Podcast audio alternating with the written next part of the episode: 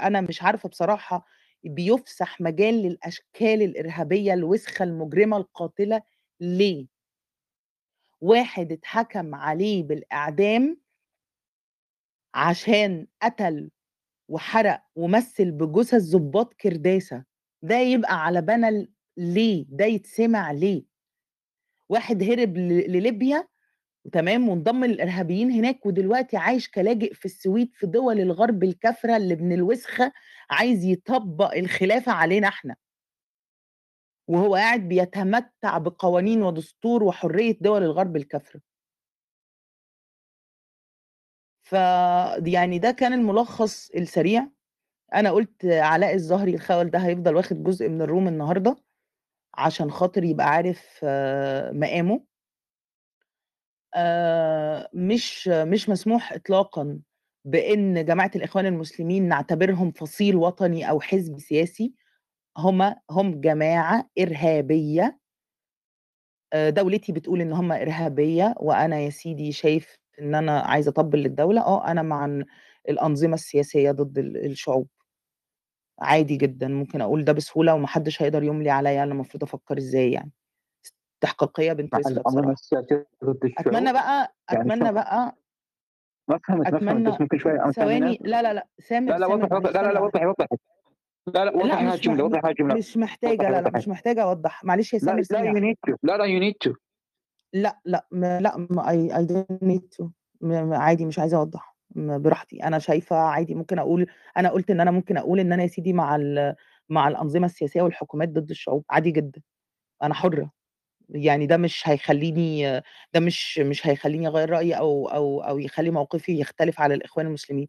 لو أنا آآ ض وقوفي ضد الإخوان المسلمين بشكل أو بآخر، وإني أشو أشوفهم ليسوا فصيل وطني وليسوا آآ حزب أصلًا سياسي هيخلّي الناس تبقى شايفة إن أنا دولجية، ما عنديش مشكلة.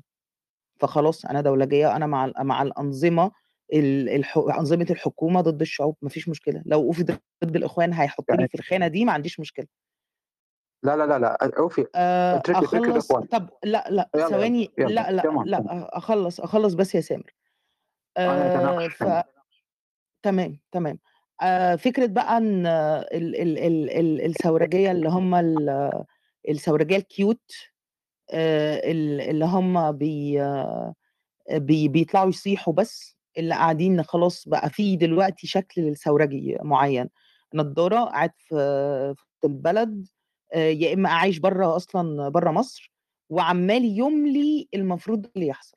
طب يا فندم حضرتك هِز إيدك كده وانزل اشتغل مثلًا وانتج واعمل قرارات وادّي لنا بدايل. أي حد هيطلع ينتقد يا ريت يبقى يدّيني حلول يا جماعة، يدّي حلول فورًا، مش قاعد على على على الكنبة وبينتقد، اللي بينتقد عايز ينتقد وضع سياسي معيّن، يدّيني حلول. ما يبقاش عامل زي البرادعي كده عِلْق. اللي هو أصل أنا رابعة، أنا ضد إن إحنا نخش نفضّي رابعة. طب يا فندم حضرتك ادّينا حلول. أصل الحل ممكن ادّينا حلول.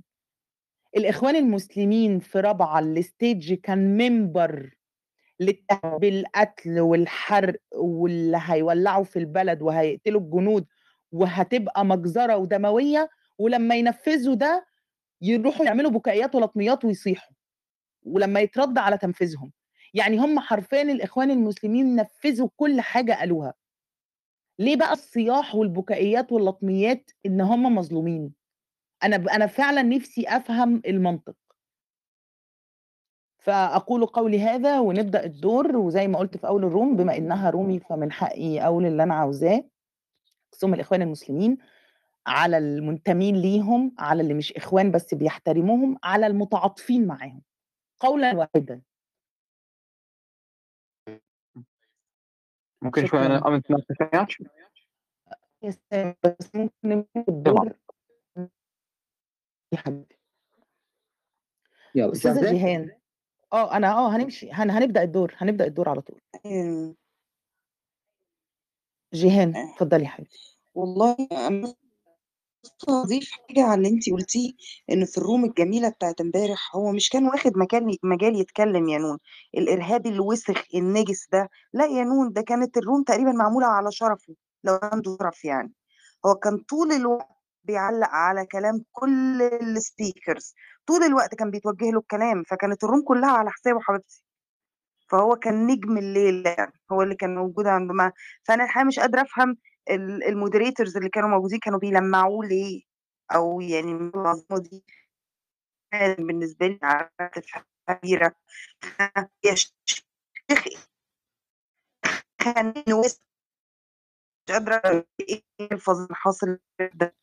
صوتك قطع يا جيهان جيهان جيهان جيهان حبيبتي. صوتك قطع آخر 20 ثانية. كلمي جيهان. كده لا لا صوتها كويس؟ مقطع عندك يعني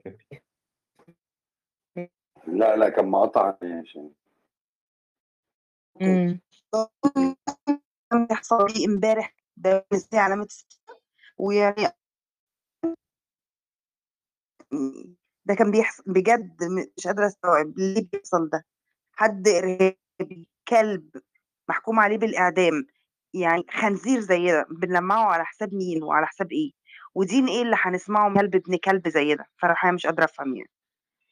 ف إن شاء الله بإذن الله انت يجي كان يوم كده عندي ويرجع انت مصر ويبقى يورينا بقى انت ال- كان عندك كلام كتير قوي نفسك تقوليه امبارح يا جانا ما كانش عندك المساحة إنك تقوليه فانجوي يعني. معاكي كل آه ما المساحة دلوقتي. ده, ده أنا يعني آه والله ده أنا يعني بصي يعني ده بتهيألي يعني حظي حلو إن أنا كمان ما كنتش أعرف إن هو ده لأن هو كان كاتب اسمه علاء الأزهري. آه آه أنا ما كنتش وأنا ك... عارفه مين وأنا علاء كمان الازهري آه ده آه هو كان كاتب علاء الأزهري وأنا ما عرفتش آه، في حد كده ابن حلال الله يبارك له ويستره يا رب آه. قال لي إن ده علاء ال- آه، الزهري و... ولما سمعت صوته كمان في الفيديو اتأكدت يعني آه ف... ف يعني استغربت جدا يعني اللي هو هو بس طب انت إيه؟ بتقولي حاجة كنت وانت بتتكلمي بتقولي عمال يأصل للكلام. الحقيقة يا نون أنا كنت امبارح وأنا بسمعه أنا ما سمعتوش قال أنا سمعها عمال يقول شعاراته بس. إحنا عندنا في الدولة الدينية المرأة ليها أهمية. آه، مش الدول العلمانية اللي لو اللي لا مؤاخذة المرأة بتخرج ملط قدام الرجالة. فين الدول اللي هو بيشوف فيها الفكرة ملط هو حط أنا مش نفسه قادرة في م... أفهم لأ الفكرة الحقيقة لما اتكلم على التحرش والاغتصاب زنق نفسه زنقة وسخة. آه يعني يا وبعدين فندم ابن حضرتك بعد ما انت خرجتي بيقول إيه؟ الأول بيحط صورة مش عريانة عشان نبقى نقدر نتكلم. ومستواي الثقافي ما يخلينيش انزل لمستواك وارد عليكي. وأبويا وأمي الفلاحين علموني إن أنا ما أردش على امرأة. أصلا في الآخر مرأة.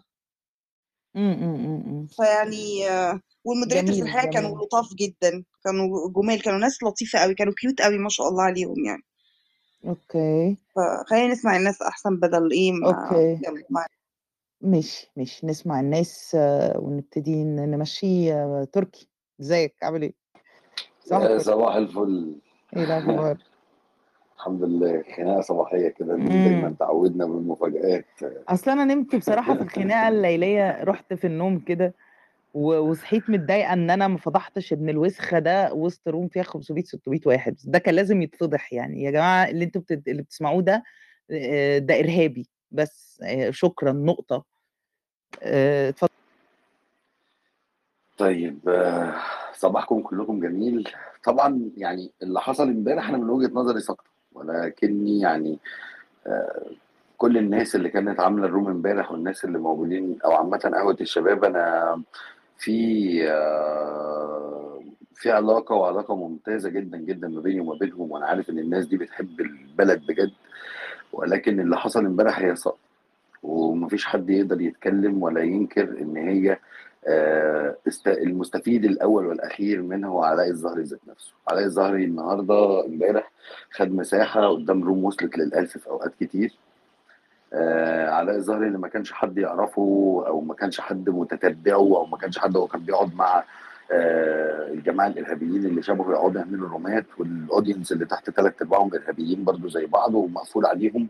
النهارده علاء الزهري بقى في ناس هتمشي وراه وبقى في ناس هتقعد تسمعه في ال room دي وال room دي وال room دي. وقدرنا نعمل marketing لعلاء الزهري آه، من لا شيء. طيب.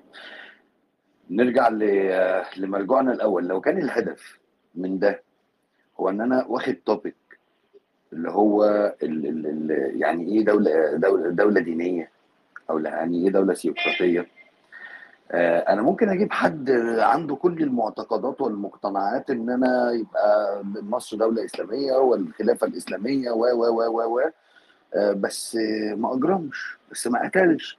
بس لو هيجي بدولته الإسلامية مش هيقتل الجيش وهيجيب شوية ناس من بتوع أفغانستان يقعدهم بالجلاليب والدقون مش هيخلي هو ده الجيش المصري وهي دي الشرطة المصرية المصرية اللي هو أول جيش نظامي عرفه التاريخ. يعني الجيش المصري ده هو أول جيش نظامي عرفه التاريخ بالشكل بتاعه الحالي وبالهيكل ده. إحنا من زمان من من من من من, من آلاف السنين من 3 4000 سنة وإحنا عندنا جيش نظامي. وبالشكل ده وبال وبالمنتاليتي دي وبالمنهجية دي. طيب إيه اللي قدموه؟ تعالى بقى إيه يعني ننتقل لنقطة مهمة جدا جدا نون اتكلمت عنها اللي هي آه أنا ممكن أكون مؤيد ومؤيدة من غير ما أفكر بمجرد إن هو ده الطرف التاني وبمجرد إن الطرف اللي بيحكم آه، هو هجومه بشكل كبير وعارف إزاي يتعامل مع تلك هذه الأشياء اللي اللي واخدة لقب كائنات حية. اللي هدفها إن هي كل يوم أنا قتلت كام واحد وهدفها إن هي توصل للسلطة بالدم وهدفها إن هي تغير هوية شعب عايش بالهوية بتاعته من آلاف السنين. حصل لنا وعكة كده صحية في النص في الهوية بتاعتنا في فترة السبعينات والثمانينات نتيجة إن إن إن إن تصدر لنا بعض المشاهد ال- ال- ال- الوهابية وتصدر لنا بعض بعض المشاهد الدينية الغير مبررة. ودخلت جوه الشعب بتاعنا فبدأنا الهوية بتاعتنا نقدر نقول شبه بتتغير ولكن الجيل الجديد خلاص الطلقه خرجت والهوية بترجع تاني لما قبل الستينات والسبعينات. الهوية بتاعتنا كمصريين الرجل المصري بالمنتاليتي المتفتح المرأة المصرية بالمنتاليتي بتاعتها المتفتحة المنتجة اللي اللي, اللي بتسعى دائما إن هي تاخد الوطن لقدام.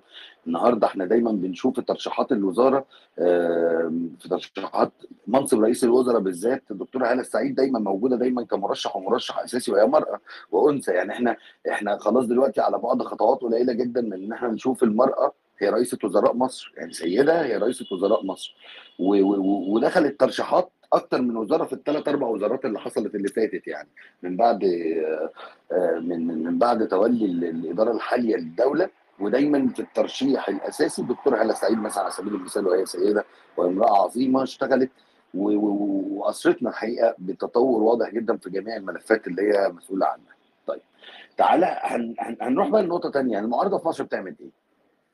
إيه الحاجة اللي معارضة المعارضة في مصر بتعملها؟ هي معارضة. مفيش إحنا بالظبط. يمكن بس يمكن يمكن أنا اتكلمت ما هو انت هدفك تعارض بس انت هتعارض إزاي وليه؟ طب وانت إيه سابقة ال- المعرفة ما بيننا وما بينك؟ أنا واحد من الناس اشتركت في ثورة يناير.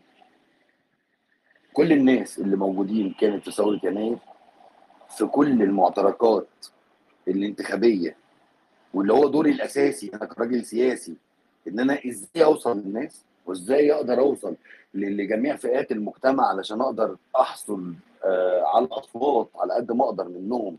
فبالتالي يبقى وجودي حتى لو ما حكمتش يبقى وجودي ممثل مصدر قلق للي موجود. فبالتالي أنا بمثل المعارضة كما يجب أن تكون إن السلطة اللي موجودة خايفة تغلط فبت... علشان خاطر في معارضة جاهزة وقوية ومصطفى هتركب وعندها برضو نفس الأرضية الوطنية الحقيقة فشل ذريع في يناير من أول استفتاء مارس.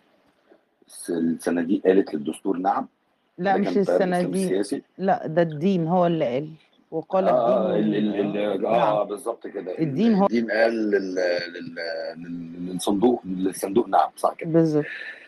آه، ده استفتاء آه، 18 مارس.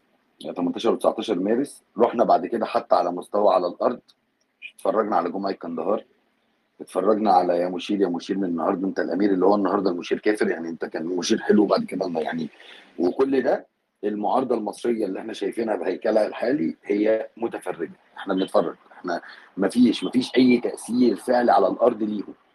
طيب ده كده رقم ثلاثة عملوا مجهود رهيب إن هم يفتتوا بقى نفسهم. بقى في كانت حركة شمس التجريد بقت حركة شمس التجريد وحركة شمس التجريد الجبهة الديمقراطية. وبقى مش عارف إيه وبقى إيه وبقى إيه وتفتيت تفتيت تفتيت 100 حاجة و80 حزب اتعملوا في في في, في, في, في 20 25 يوم حاجة كده غريبة. وكان كل مجموعة قاعدة بتلم بعض يلا نروح نعمل حزب يلا نروح حزب تحت التأسيس حزب تحت التأسيس. تشتيت بشكل واضح جدا مفيش ايديولوجي فكرية واضحة متبنيها مجموعة كده من الشباب وتحركوا بيها إلا قليل عشان برضو مش عايز اظلم الناس كلها. ما معلش آه بس هقطعك بس.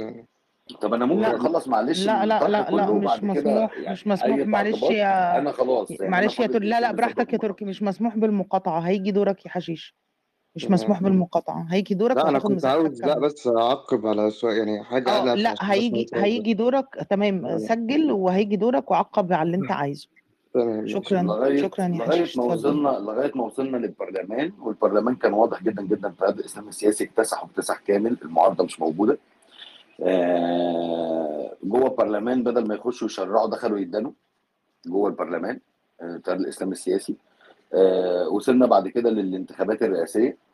آه، فوز لل... لل... أو اكتساح بشكل كبير جدا لتيارين تيار دولة مبارك عن طريق أحمد شفيق الدكتور أحمد شفيق وعن طريق الدكتور محمد مرسي التيار الإسلامي السياسي. المعارضة برضو مش موجودة لا موجود حمدين ولا موجود البلدي ولا موجود أي حد كل دول ما فيش مش موجودين. آه وصلنا بعد كده إن آه خلاص آه قامت 30 6 أنا عايزة أعترف آه بحاجة. أنا كنت من المغفلين اللي انتخبوا أبو الفتوح. شكرا. آه، مفيش مشكلة بس خلينا بس إيه يعني آه، هو مفيش مغفل ولا حاجة كلنا بلا استثناء كانت التجربة يعني على مستوى الناس اللي مش مهتمة بالسياسة كانت تجربة جديدة بالنسبة لنا آه، معلش هعترف هعترف بحاجة تانية. أنا كنت من المغفلين ال- البهايم اللي, اللي, اللي انتخبوا اللي اختاروا الإخوان المسلمين في, في مجلس الشعب و وكنت شايفة إن ساعتها يعني إن لا مؤاخذة الإسلام هو الحل. أنا آسفة. تمام. وصلنا بعد كده ل 30 6 30 6 الناس نزلت. ما حدث يناير بالكربون تكرر في 30 6 الإخوان دعموا يناير. الإخوان قامت عليهم الناس في 30 6 ما عملوش القياس ده. قعدوا يعملوا. احتشدوا في رابعة. قتلهم من أخرجهم. رابعة مجزرة. طبعا مجزرة. بس مين اللي عاملها؟ ما هي دي برضو إيه؟ يعني ده سؤال. إحنا إنسانيتنا إحنا مين؟ مين اللي عاملها؟ اللي عاملها عبد الرحمن البر اللي قال للناس افدوا رابعة بالدماء. ولا اللي عملها ال- جبريل نزل في رابعة وإن الحج إلى رابعة مين اللي عملها؟ ما هي السؤال صح كده. مين اللي نزل الناس بالأطفال بالنساء وقعدهم في الشارع ما ده منهجهم. يا تركي من يوم ما بدأوا أصلا النساء تتقدم من الصفوف والأطفال والناس ال- البريئة عشان يعملوا البكايات واللطميات يعني. هو ده مش جديد على الإخوان المسلمين. إحنا مش أنا مش متفاجئة بصراحة يعني. بالظبط. يعني هو التيار الاسلامي السياسي كله آه، خلينا ما نتكلمش عن الاخوان كاخوان لا التيار الاسلامي السياسي كله. بالظبط. يعني يعني حازم صلاح أبو إسماعيل واحد من الناس اللي عملت مثلا كارثة محمد محمود. لأن هو أول واحد نزل في محمد محمود وقال لك أنا هعتصم والناس نزلت على قفاه وبعد كده حصل الاشتباكات. فالثوار اتدبسوا خلع حازم صلاح أبو إسماعيل برجالته وخلعوا الإخوان آه، كانوا مع العرس الديمقراطي. وسابوا الناس في محمد محمود على سبيل المثال وبقت حازم صلاح ابو اسماعيل حازم صلاح ابو اسماعيل اللي عمل آه، قال لك إحنا رايحين هن... هنعتصم قدام مدينة الإنتاج الإعلامي. حازم صلاح ابو اسماعيل اللي كان ما هو ما هو ده تيار إسلام سياسي. خلينا نتكلم على التيار الاسلامي السياسي كباكج كله مع بعض لأن هم بيختلفوا بيختلفوا بيختلفوا قصادنا. ولكن في الكواليس هو في شيء تاني خالص للتيار الاسلامي السياسي هم متفقين وموزعين أدوارهم وعارفين بيعملوا إيه وبيسووا إيه وبيتنيلوا إيه. يعني يعني ده ده ده مشهد آه، المفروض خلاص إحنا كمصريين نبقى اتعلمناه. اتعلمنا اللعبة الفاشلة اللي هم بيعملوها. وعندهم لعبة تانية عايز الناس تاخد بالها من تا- تاخد بالها من من- من- منه وهي إيه؟ انها تروح على المعارضة الكيوت اللي هي مسميه نفسها معارضة وبتتكلم إن هي لا أنا ضد الإخوان بس يبقى بالنقش كده على الحجر نفس خطاب الإخوان هو نفس الخطاب بالظبط هو هو. يعني هو هو هتبص تلاقي ده بيقول سيسي قاتل ده بيقول سيسي قاتل. ده بيقول أمه يهودية ده هيقول أمه يهودية. ده هيقول إن رابعه مذبحه ده بيقول رابعه مذبحه بدون التطرق على من هو متسبب هذه المذبحه هو كده على طول. ده قاعد عامل خلط كل شوية ما بين ال- العمل السياسي وما بين العمل الحقوقي وده بيعمل خلط كل شوية ما بين العمل السياسي والعمل الحقوقي. ده هتبصوا تلاقوا كده إيه؟ ال- الخطاب واحد. هو ده بيقول نفس الكلام ده ده بيقول نفس الكلام ده ده بيقول نفس الكلام ده. طيب نهاية الإشكالية دي إيه اللي حصل؟ نهاية الإشكالية دي إن برضه نفس التيار يعني هو هو نفس التيار اللي المفروض مسمي نفسه تيار آه، ديمقراطي اجتماعي أو تيار ليبرالي أو وات هو كان أول وزارة بعد 30 6 كان برئاسة الدكتور الببلاوي ما هي دي هي دي المعارضة اللي موجودة دلوقتي الأحزاب اللي موجودة دلوقتي هي في المعارضة. طب هل قدروا يتحملوا؟ كان الدكتور حازم ببلاوي الدكتور زياد بهاء الدين الدكتور حسام عيسى كان أسماء كتيرة جدا. كان الوزارة كلها بلا استثناء كانت جاية من رحم الأحزاب اللي أنشئت من يناير وكلها كانت قاعدة ماذا فعلت هذه الوزارة؟ عملت قانون التظاهر اللي أنت النهارده كتيار معارض رافضه يعني أنت النهارده رافض قانون التظاهر. طب مين هو اللي عمل قانون التظاهر؟ ما هم الناس دي اللي عملت قانون التظاهر. الناس اللي خارجة من ثورة يناير هي اللي عملت قانون التظاهر. لا السيسي اللي عمل قانون التظاهر. السيسي اللي عمل قانون التظاهر ولا عدلي منصور اللي عمل قانون التظاهر اللي عمل قانون التظاهر هي وزارة الدكتور البدلاوي اللي هو كان موجود في الأحزاب المصرية اللي موجودة في الحالي اللي هي الأحزاب اللي خارجه كانت من رحم ثوره يناير فخلاص حصل بقى الاصطفاف وحصلت بقى فكرة إن أنت إيه لا إحنا عندنا بلد بقى الناس جاعت الناس بقى خلاص بقى في حالة من القرف بقى في إرهاب في كل حتة بقينا دولة مهددة وضعنا الاقليمي بقى متدني بقينا ماشيين على بنشحت معناش فلوس ناكل ونشرب بقينا بقينا بقينا أصبحنا دولة. أنت جاي النهارده تكلمني في أنهي دولة؟ طب بدل ما تبرز بقى المشاكل انت بقى كمعارضة أنا عايز اشوفك تقول لي إيه المشاكل اللي في نظام السيسي الاقتصادية والسياسية واللي واللي وتعال نقعد نتكلم ونتناقش فيها. يمكن نطلع بحل. يمكن يا سيدي طب بدل ما انت قاعد قاعد لي على كلاب هاوس ولا قاعد على فيسبوك ما تشوف حزب من أحزاب المعارضة الممثلة داخل البرلمان حتى لو بعدد قليل أربع خمس أشخاص اللي موجودين جوه البرلمان اللي الدولة على فكرة علما بالشيء تعاطفت وتكرمت عليهم وساندتهم عشان يقدروا يكون ليهم أي مناصب جوه لأن هم صعب مش عارفين برضه عندهم الإشكالية في إزاي نوصل للناس. طب ما, تنزل تساندهم ما تنزل تبدأ تعمل آه، حاجات خدمية أو تقدر توصل للناس أو شوف أنت هتشتغل إزاي تسويق سياسي لنفسك في حزب عشان تقدر توصل للناس. أنت مش واحد بس بيفكر لازم أدوات بتنفذ على الأرض. لازم تنزل تشتغل. لا قاعد جايب لي علاء الظهري بيتكلم. علاء يعني يعني أنت هات حد يعني أنا الحقيقة إيه يعني خلينا في ال round الثانية أكمل بقية كلامي يا نون لأن بصراحة إيه يعني كل حاجة. وعكسها شكرا. ليك على ال room الجميلة دي. شكرا. شكرا يا تركي. آه، باشمهندس هشام. آه، صباح الخير يا نون و... عايزة عايزة آه. بس قبل ما تبدأ بما إن تركي اتكلم في موضوع مهم عايزة بس أسمعكم حاجة كده سريعة. ثانية واحدة. سيسي أنذر. اعرف إن أنت صنعت.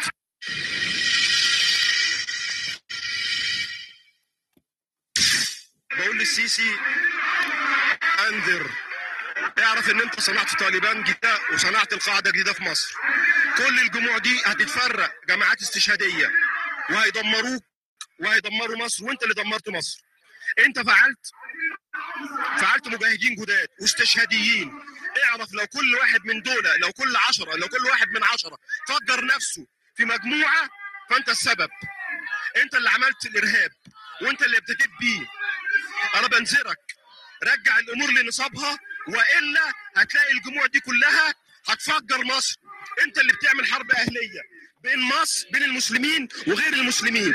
أنت اللي بتعمل حرب أهلية بين المسلمين والعلمانيين.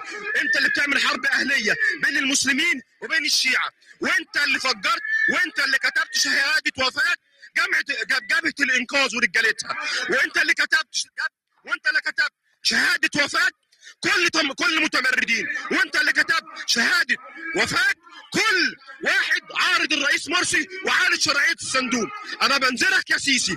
احذر احذر. إما ان تقتل هذه الجموع أو هذه الجموع ستنفجر فيكم. احذر. وهذه رسالة واحد من ملايين. بقول لك يا سيسي احذر يا سيسي. انت عملت طالبان وانت عملت قاعدة جديدة في مصر. انت اللي صنعت الإرهابيين. وأقول لك كده وخد الكلام ده عبرة وبكرة تشوف. السلام عليكم ورحمة الله وبركاته. أنا بقول لعبد الفتاح السيسي مين اللي جابك؟ مين اللي جابك يا كلب؟ مين اللي جابك؟ المرسي هو اللي جابك، أنا ولا أخوة ليا ولا حاجة، أنا ست مصرية متدينة. وأنا بقول لك بقول لك أنا بقول لك أنا بقول للنصارى كلمة واحدة. أنتوا قاعدين جنبينا. إحنا هنولع فيكم إن الذي حدث هذا الآن لم يحدث في تاريخ الدول ابدا. حدث مرة واحدة هذا الإقصاء وهذه الانتخابات المبكرة. لم يحدث إلا في أمريكا سنة 74 إن الذي فعله السيسي إنها خيانة عظمى. سيخرج الناس إلى الشارع الآن. ماذا سيحدث؟ ستحدث فتنة الشرعية مستمرة ونحن هنا في الميدان مستمرون حتى تعود الشرعية إلى الرئيس محمد مرسي. كلنا واقفون وراء الشرعية مسلمون ومسيحيون. هنا في الميدان كأهل بغلاليين ومن 6 أبريل يدافعوا عن الشرعية شرعية الرئيس محمد مرسي. الرئيس ال- محمد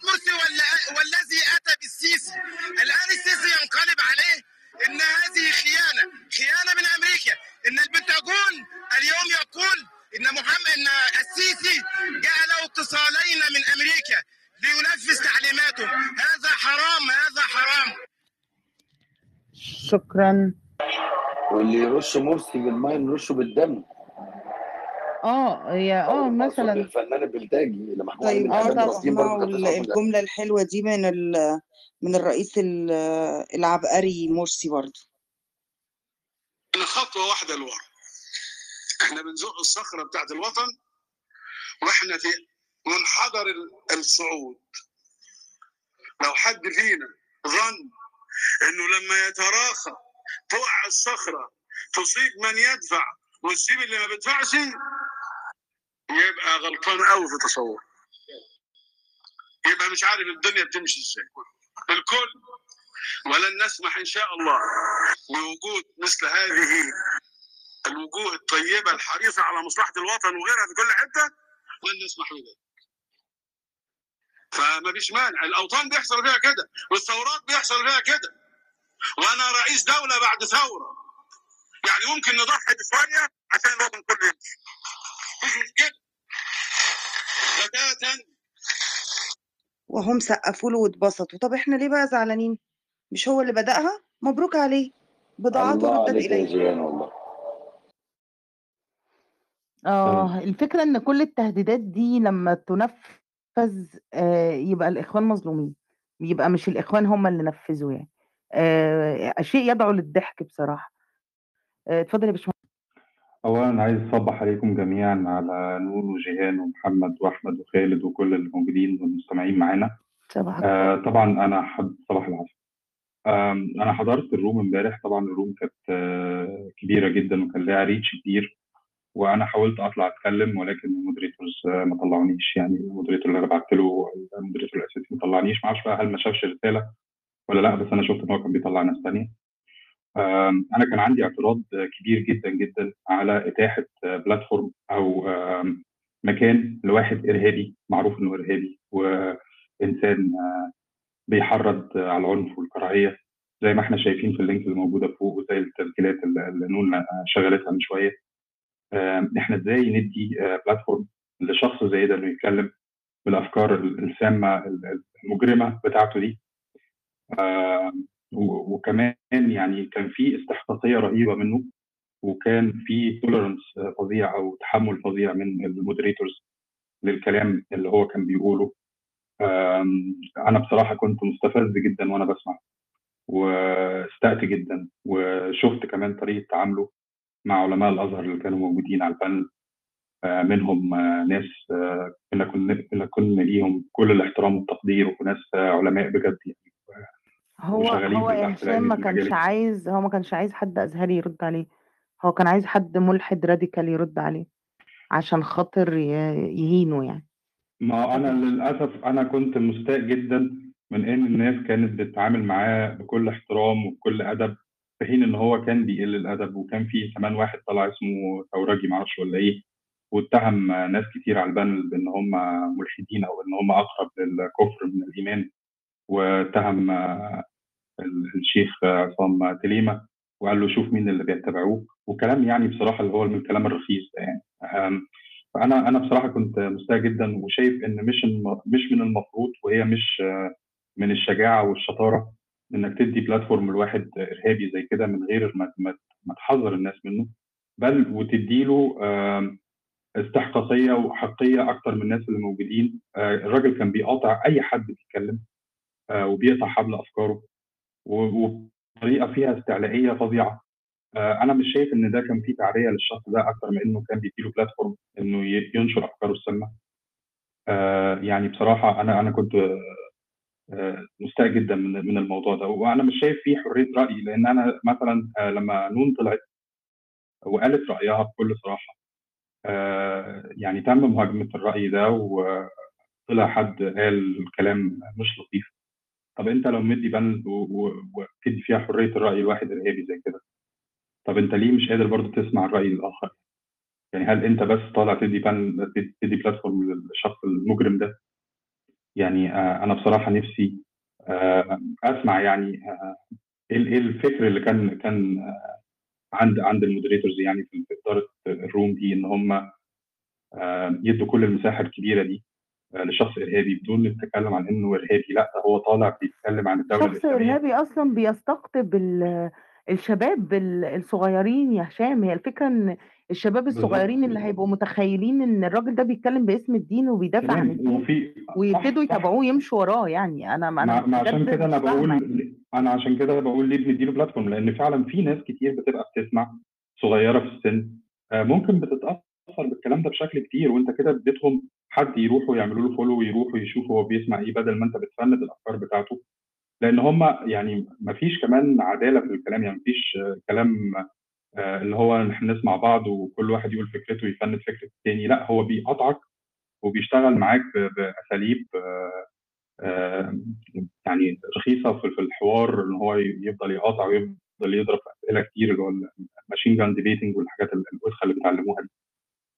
وفي نفس الوقت أنت مش مدّي فرصة لأي حد يطلع يرُد بكلام أو برأي تاني مخالف مثلًا لرأيك.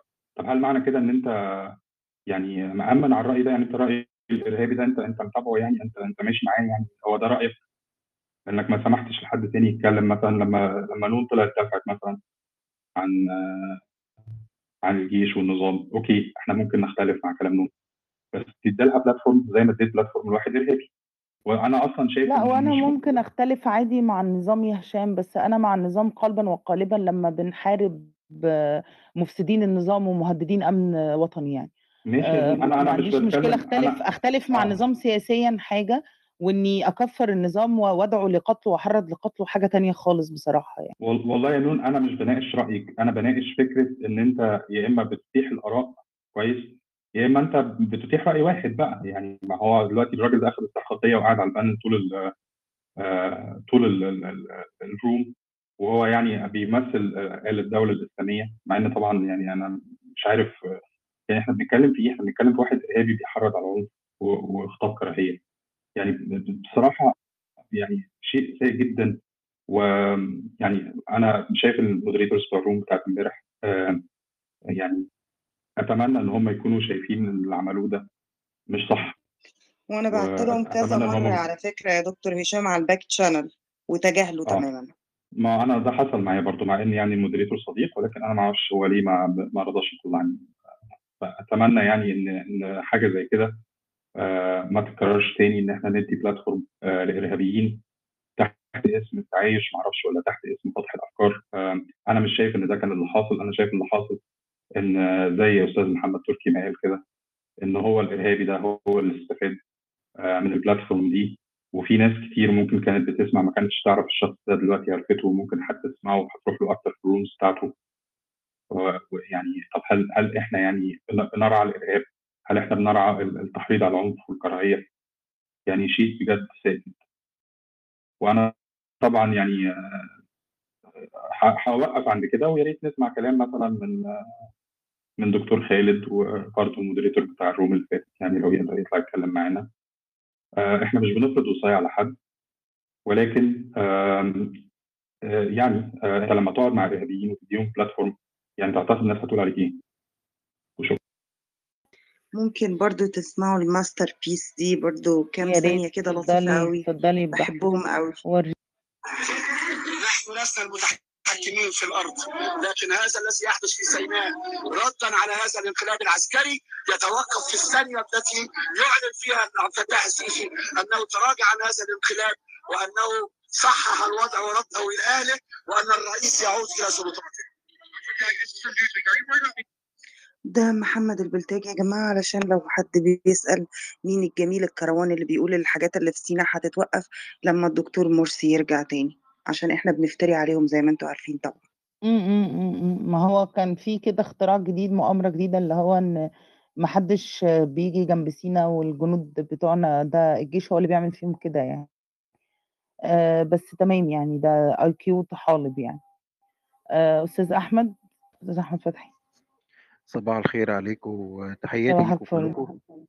آآ كلنا بنقول مش نون بس اللي بتقول، إن كلنا مرّينا بتجارب اتعلمنا فيها وشُفنا شاركنا في السياسة و وشُفنا اختيارات خاطئة وشُفنا اختيارات صح واتعلمنا من اللي إحنا فات، المشكلة اللي لغاية النهارده ما اتعلمش. وعشان كده باقول ال الroom اللي أنتم بتتكلموا عليها وإن يكون في حد إرهابي آآ بنَص قانوني وإرهابي آآ بتحريض وبكلام وبتسمعه تلاقي إن هو إرهابي وفي النهاية يقول لك يعني إيه إرهابي، هو كل واحد معارض يبقى إرهابي؟ أُمّال أنت عايز إيه أكتر من كده إرهابي؟ واحد بالمواصفات دي قتل فعلًا وفي إيده دم، واحد بالمواصفات دي وحاليًا بيحرّض دايمًا ليل نهار على القتل وعلى الدم وعلى الكراهية، في إيه أكتر من كده إرهابي وتحريض على القتل؟ في عايزين إيه أكتر من كده تعريف للإرهابي؟ خلّيني أقول بس نقطة مهمة لكل التسجيلات اللي كانت بتتقال دي آآ ممكن نوضّح حاجة مهمة جدًا هي رابعة. منصة رابعة كل من صعد عليها كل من صعد عليها حرّض على تقتيل قتل النفس وقتل الغير، ويوم الفض هرب، يوم الفض نفسه ما حدش من اللي صعدوا منصة رابعة اتمسكوا، لدرجة يجيبوا أطفال من دار أيتام لأخت وجدي لأخت آآ وجدي العربي، كان يجيبوا أيتام ويلبّسوهم أكفان ويكتبوا على آآ راسهم مشروع شهيد. في قذارة وحقارة أكتر من كده، وفي النهاية كلّهم هربوا وسابوا الناس تموت تقتل وتتقتل. طب ما كانش في سلاح، أُمّال أحمد المغير اللي كان من وسط الميدان والّا وسط ميدان رابعة أمّا يطلع يقول إن كان في سلاح وخرّجتونا بيه، خرج قبل قبل فضل العظام بيومين، إيه السبب إن خرّجتونا؟ كان ممكن نقاوم ونعمل انتصارات زي جيش في سوريا أمّا بيحاربوا الجيش ويقتلوا، إيه المشكلة يعني؟ فهُم باعترافاتهم وبكلامهم وبتسجيلاتهم وبكل التفاصيل دي قالوا إن عندهم سلاح وعايزين يقتلوا وشايفين ده جهاد وشايفين ده إسلام وشايفين ده دين. كل من بيقول إن الإسلام دين ودولة هو مجرم. بيعتقد إن زيه زي إسرائيل مثلًا، إسرائيل برضه هي اللي بتقول ال اليهودية دين ودولة. أنت بتقارن نفسك بيهم وعايز تبقى زيهم، خلاص.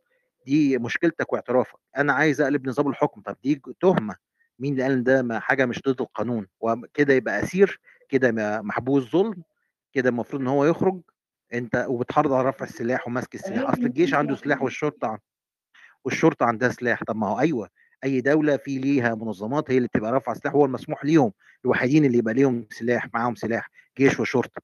أنت بقى ترفع سلاح بناءً على إيه؟ وتشتغل بالطريقة دي والأيديولوجية دي والفكر ده، وفي النهاية بتعيّط عشان بنقول عليك إرهابي، أنت معترف إنك إرهابي. أنت عايز تقول إن أي حد غيرك عايز تقول إن الجيش والشرطة هم الإرهابيين وأنت مش إرهابي، أصل إحنا الاتنين زي بعض، لو أنا إرهابي يبقى هو كمان إرهابي، لأ ده إجرام وخلط في المفاهيم. اللي أنا شايفه بقى إن هم خلاص وصلوا لآخرهم. كويس إن هم بيطلعوا على الplatform مع بعض وبيتكلموا مع بعض وبيتكلموا بنفس الثقة وبيحطوا نفسهم في نفس المعسكر ونفس الخندق. دي حاجة كويسة جدًا، أنا شايف دي شايف ده تصعيد بيلفظوا أنفاسهم الأخيرة على بالضبط. Clubhouse. بالضبط، فبرافو عليهم ممكن يعملوا دولة خلافة على Clubhouse. ممكن يعملوا club ممكن. يسموه دولة الخلافة ويعيشوا فيه مع بعض، أعتقد ده هي هيهدّي التستوستيرون عندهم.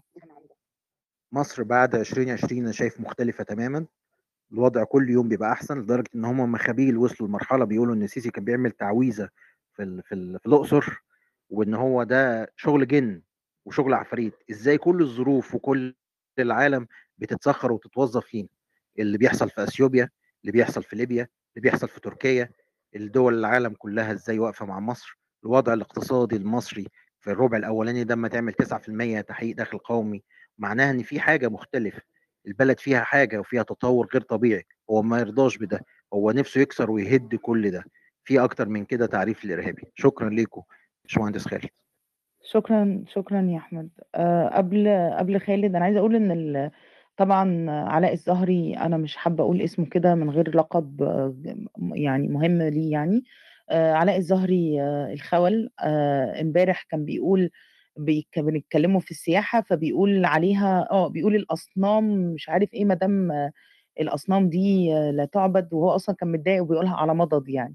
آآ السياحة بما لا يخالف شرع الله it's okay ما فيش مشكلة، عندنا س سياحة علاجية، آآ الفنون لأ، ما فيش فنون، بس ممكن يبقى في كتابة شعر بس مش ما يبقاش شعر جنسي. حَط كده بصراحة كام أنا ك أنا كنت قاعدة ب باسمع واحد في خطبة جمعة وليس واحد بيتكلم عن دولة يعني. آآ إقصاء يعني واحد بيطالب بإقصاء الدولة من من العالم يعني، مش عايز يعيش مع العالم، عايز يعيش في دولته لوحده يعني لحد النهاية يعني.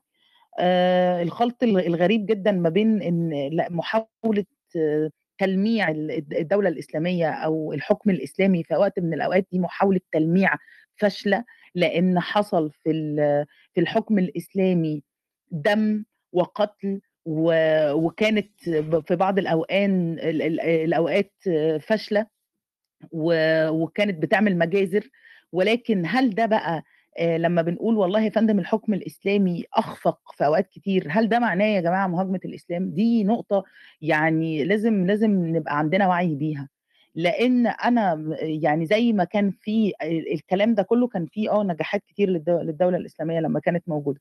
آآ لمّا نيجي نقول نتكلم بموضوعية آآ لازم هيدخّلونا في الآخر في نطاق أنتِ بتهاجمي الدين. آآ لأ يا فندم حضرتك ال اللي مخّك قاصر. آآ لمّا ييجي ال ال ال ال الخَوَل علاء امبارح بيتكلم على الكاسيات العاريات ويربط الموضوع بالتحرُّش وأفغانستان الدولة ال ال اللي أغلبها آآ ناس ستات مغطية من راسها لرجليها وبيتم التحرُّش بيها ومن أعلى نسب التحرُّش هناك، آآ فده معناه إن إن هو برضه آآ كلامه كله خاطئ. أنا ما عنديش مشكلة بقى في في الطرح المتشدد. الطرح المتشدد يُقابل عادي بفكر متشدد من الناحية التانية. الradicals لمّا بيطلعوا يدبّوا في بعض فكريًا أنا ما عنديش مشكلة. مشكلتي بقى الحقيقية إن أدّي مساحة لشخص إرهابي، أستاذ علاء الزهري ده إرهابي، أنا عايزة أ أشكر بشكل شخصي أستاذ حسن ال اللي موجود على الpanel لإن هو اللي لَفَت نظري إن ده علاء الزهري، لإن هو كان مسمّي نَفْسه علاء الأزهري، و وكان الصوت مش غريب عليّا بصراحة، بس لمّا أستاذ حسن قال لي إن هو ده نَفْس الشخص، أنا باشكره جدًا بصراحة. الراجل ده محكوم عليه بالإعدام آآ في قضية ده حرق أنا اللي عايز وقتل و حضرتك بصراحة. شكرًا يا حسن، شكرًا ربنا يخلّيك. لأ أنا حبيت أشكرك والله إن أنت اللي لفتت نظري لده لمّا قريت ال المسدجات، لإن أنا أنا كنت فاكراه إنسان بفكر داعشي آآ بس مش أكتر، ما كنتش أعرف إن هو الإرهابي علاء الزهري. أنا أنا لو آآ تسمحي لي أنا هاقول لكم ال الفيلم بتاعه كله من طقطق لسلام عليكم و قُلته، أنا قُلت آه، أنا قُلت كل الفيلم اللي أنت بعته لي والله يا حسن و وهادّي لك ت تقول أكتر لو عندك يعني. آآ اللي حسن كان باعته لي وكان وكان بيقول آآ فكرة إن هو ده ده ده علاء الزهري يعني، أنا طبعًا اتأكدت من الصوت مع مع الفيديو اللي أنا حاطاه لكم ده. اسمعوا الفيديو وشوفوا إحنا بنتكلم عن واحد عامل إزاي. اتحكم عليه بالإعدام، ده محكوم عليه بالإعدام في في في في ال في القضية بتاعة ضباط كرداسة. آآ وال والشخص ده قاعد دلوقتي في السويد، قاعد في دولة كافرة بيستمتع بال بقوانين وحرية الد ال الدولة الكافرة، وبيسلّم إرهابيين عشان يا جماعة لو حد يعرف إرهابيين صحابه، يا جماعة علاء الزهري هو ال لو حد من صحابه اتسلّم للمخابرات السويدية أو للسويد، هو اللي بيسل بيسلّمهم، بيسلّم زمايله ال الإرهابيين الكفار. آآ فده شخص إرهابي، ده شخص مجرم، ده شخص ما أعرفش ليه خَد المساحة دي كلّها. آآ أنا ما أعرفش أنا ه أنا هافرض حُسن النية من أنا مش متأكد هاقعد قد إيه، فبليز أنت أنت اللي خلّيني أكمّل. هتتكلم آه، آه، أنت اللي هتتكلم دلوقتي خالد حالًا، بس أنا كمّل. ده اللي أنا كنت عاوزة أقوله، إن الإخوان المسلمين ليسوا حزب سياسي وليسوا فصيل وطني، إن أنا أقعد أسمعهم أو إن أنا أقعد أسمع فكرهم، ينعل فكرهم على على أبو اللي بينتمي ليهم قولًا واحدًا. آآ ما لهمش أي مكان مكان بيننا سواء مجتمعيًا أو أو حتى جنبنا في الأوطان. آآ لو أنا إني أعيش في دولة لو أنا حتى ضد ال النظام وتغيير النظام ده هيخلّيني أقف في في في صف واحد مع الإخوان، فليحترق ال ال ال الصف كله بكل شيء يعني. آآ مش هاقف مع صف واحد في الإخوان تحت تحت أي بند ولا أسمع أي فكر حد فيهم. أنا ممكن أحترم واحد متدين فكره متشدد و و وعنده عاطفة تجاه الدين، بس لا أحترم شخص مجرم إرهابي، وجماعة الإخوان المسلمين إرهابيين قولًا واحدًا. اتفضل يا باشمهندس خالد، لإن أنت كنت من الmoderators امبارح. آآ أنا بصراحة أنت سمعت آراء الناس وسمعت التعقيب بتاع الناس، الناس مش فاهمة الراجل ده كان واخد كل المساحة دي ليه، وهل آآ المفروض ناس فاهمة وواعية ما كانش عندهم علم بإن هذا الشخص هو علاء الزهري، وكان واضح أصلًا يعني حتى كلامه ال اللي قاله كله كان واضح إن هو شخص إرهابي يعني. آآ فما ما كانش الواحد يستبعد إن هو يحمل إن هو يكون إيده ملوثة بدم ضباطنا يعني ودم إخواتنا في مصر. اتفضل. صباح الفل. آآ أول حاجة أنا هابتدي من النقطة دي إن آآ أيوه إحنا كنا عارفين إن هو فكره متخلِّف بالمنظر ده، بس ما كانش عندنا أي فكرة إن هو كان إيده ملوثة فعلًا مش مش مجرد واحد من العشرات يعني اللي بي بيقولوا الزفت ده في على club house يعني. فده عشان إجابةً للسؤال الأولاني بتاع أو الأخراني بتاع آآ آآ هل كنتم عارفين إن هو ده ال المحكوم عليه ب في قضايا إرهاب والّا لأ؟ لأ، ما كناش نعرف ال المعلومة دي، دي أول حاجة. تاني حاجة أكيد بكل تأكيد أنا ال الرأي اللي بيقول مش المفروض ندّي platform واللي إحنا شايفينه إن والله الراجل ده عنده platform آه وبي بيطلع يتكلم هنا و وببساطة شديدة الاختلاف الأساسي في وجهة النظر هو إن إحنا ن نمسك الراجل ده ون ونحطه قدّام آآ عصام ال تليمة و و وعبد الباسط هيكل مع حفظ الألقاب طبعًا. ويبقى هم بيردوا عليه بدل ما بدل ما هو بي بيبقى قاعد في الroom بتاعته يقعد ل ي ي يcontrol ده ويزعق لده ويعمل ده وكل الكلام. آآ هل ده بيدّي آآ platform ليه أكتر إن هو يrecruit والكلام ده؟ إحنا ما شفناش ده. يعني يعني أنا أنا متفهم إن اللي يشوف ده يشوف إن هو كده ده أنتم بتعملوا حاجة غلط. إحنا ما شفناش ده وشفنا إن ده تفنيد للفكر و وتأكيد لإن الفكر ده موجود. لإن المشكلة إن إن زي يعني ما أعرفش أنتم آآ يعني إحنا مع بعض عارفين بعض كويس يعني، فزي ما إحنا بنشوف كتير إن إن لمّا بنيجي نتكلم في ال في الأفكار عن الدولة الإسلامية والأفكار المتطرفة دي ال ال الأفكار ال ال المعتدية دي الإرهابية دي، آآ لمّا بنتكلم عن الحاجات دي أو الداعشية يعني، لمّا بنتكلم عن الحاجات دي الناس بتستنكر وجود بيحصل لهم denial كده وبينكروا وجود الأشكال دي ف آآ معانا في الحياة يعني. فبيبقى صعب إن إحنا نوضّح إحنا بنتكلم في الموضوع ليه أصلًا. ف آآ ده ده موقفي وموقفنا يعني أعتقد إن أنا I speak في ال ل عن no way كمان، ممكن إن إحنا نبقى طريقتنا مختلفة في ال في ال في إدارة الموضوع بس نفس آآ ويمكن هاقول آآ I'll stipulate يعني admit إن إحنا ممكن إن إحنا نكون زوّدنا في الحتة دي شوية يعني in hindsight حتى بعد الroom على طول أنا ك كنا كنا شايفين إن إحنا كان المفروض إن إحنا ن ن نسيبه يتكلم شوية وبعدين نقفّل عليه أكتر. إنما إنما المبدأ نفسه أنا مش شايف إن إن المبدأ نفسه غلط، بالعكس أنا أنا شايف إن إحنا لمّا ما بندّيش خالص لمّا لمّا بنقفّل الroom على آآ الناس ال اللي فكرها quote unquote وسطي يعني، في ناس كتير أوي، أوي، أوي بت بتبقى بتعيش في حالة إنكار، ولأ إحنا بنتكلم في إيه؟ ما حدش عايز دولة إسلامية أنتم بتتكلموا إزاي؟ ولأ ده كلام ده داعش ما تجيبوش سيرة داعش إحنا ما نعرفش حد من داعش، ما حدش مننا قعد مع داعش، كل الكلام ال الفاضي.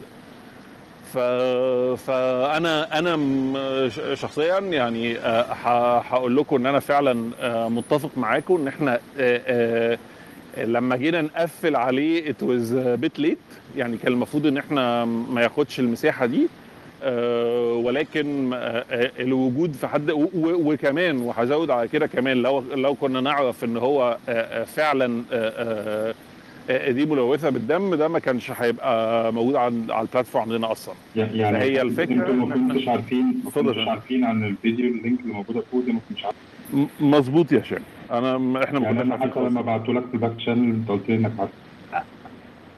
أنا قُلت إن أنا عارف إن الراجل ده آآ يعني ده ده ده يعني فكر داعشي يعني إنما مش الفكر الإرهابي ولكنه مش إرهابي يعني أيوه أنا زي زي اللي إحنا النوايا بنشوفهم. بس زي كده زي شريف عبادي كده اللي هو أنا ما كفّرتهاش بس هي بتحمل أفكار إلحادية وبتعبد الغرب الكافر. آه، يعني هي نفس الفكرة كده يا بالظبط كده. بالظبط كده. يعني انت بتتكلمي مع شريف عبادي انت ما تعرفيش هو إيه تاريخه. أنا ما أعرفش. لا أنا عارفة تاريخ شريف يعني شريف عبادي. أمال أنا ليه أصلا واخدة موقف من لا شريف يعني أنا قصدي هل هو هل هو هل هو فعلا إيده ملوثة بالدم شريف عبادي؟ أنا ما أعرفش. أنا ما أعرفش. آه مفيش حد منتمي لجماعة الاخوان المسلمين قولا واحدا من قريب أو من بعيد غير وإيده ملوثة بالدم. صباح الخير يا تمام. خالد. تم- تمام. يعني حضرتك آه، ثانية واحدة أستاذ ثانية واحدة بس اكمل بس. يعني آه، آه، آه، أستاذ عصام كان منتمي ل- ل- ل- ل- للإخوان المسلمين. أنت مش عايزاه كمان يتكلم على ال panel؟ أعتقد إن خليل عناني نفس الحكاية. أنت مش عايزاه يتكلم على ال panel ولا طب ما يعني لا لا عشان بس نعرف where لا ما to t- do the لا line ما تفس لا ما تفسحنيش يا معلش خالد. حقيقي إحنا قاعدين عندك أهو إحنا قاعدين هنا أهو. لا لا لا لا ما تفسحنيش يا خالد. بس ثواني يا هشام ماسيمو لا كان منتمي في وقت من الأوقات لجماعة الإخوان المسلمين. طيب فخير أنت شايف إن هو بنقول آه، ما ي- ما يعملش ويقول وإيده مناصبه لا يا فندم أنا بتكلم إن أي شخص منتمي لجماعة الإخوان المسلمين بشكل أو بآخر للجماعة نفسها هو إيده ملوثه بالدم. طب مش شرط إن هو يبقى مسك سلاح وقتل هو أيوه مسك سلاح وقتل. أيوه. ما هي ما هي نون أنا ما طب طب بقولش يا خالد معلش. إن أنا ثانية لا لا لا لا, لا, واحدة واحدة. هشام هشام ثانية واحدة معلش عشان أنا أنا أنا ما عنديش مشاكل أنا قاعد سامع وما عنديش مشاكل إن أنا أكمل سامع ما فيش مشكلة. بس أنا يعني لو هرد لازم ارد على على حاجة. آه، أنا ما عنديش أنا أنا ما عنديش استعداد إن أنا أتعامل أصلا أو أتكلم سواء على بلاتفورم أو مش على بلاتفورم مع واحد آه، آه، إيده ملوثة مباشرة بالدم. إنما لو بنتكلم على الخمسة مليون أو 3 مليون لا هتكلم معاهم. موضوع إن هو ال ال كل الاسوشي لا أكمل بتكلم لا لا لا أكمل. مش بتكلم منتمين بالعاطفة يا خالد. بتكلم ستي منتمين أنا ما للجماعة الإرهابية بمكتب الإخوان المسلمين.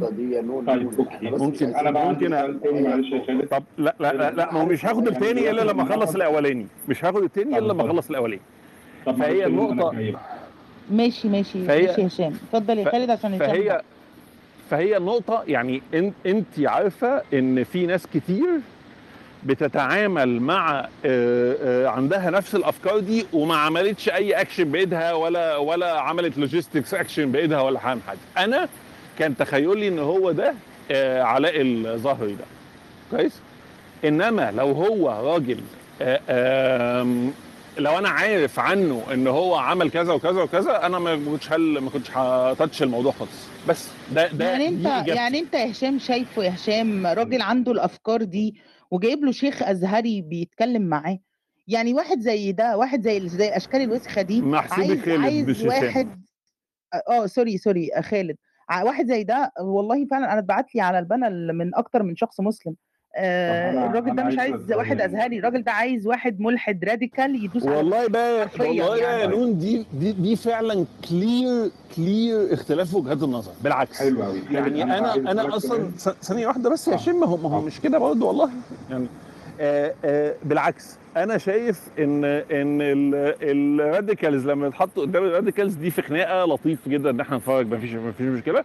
ولكن لو إحنا بنتكلم على إن الراجل ده آه، آه، بيركروت الناس ال- المتدينة ال- الساخطه الكلام الفاضي ده كله يبقى حله دايما هيبقى إن حد اللي ما يسمى وسطي وانتوا عارفين موقفي من موضوع الوسطية والكلام ده كله. آه إن هو اللي يتكلم معاه وهو اللي آه، فند قدامه. وأنا زي ما وأنا وأنا يعني أنا أنا سايبه لعصام تليمه وأنا اللي بضغط على عصام تليمه في الناحية اللي بعد كده بقى بتاعه آه، آه، إن أنا بتكلم الموضوع ب question موضوع الثوابت ده to start with فهي الفكرة ان إن ال- التعامل مع مع ال radical يجي من radical بتبقى الموضوع يعني زي ما إحنا بنشوف آه، ما, بنوصلش لأي حاجة فيه بس دي دي اختلاف في وجهات النظر أنا بقبله يعني. بس كده.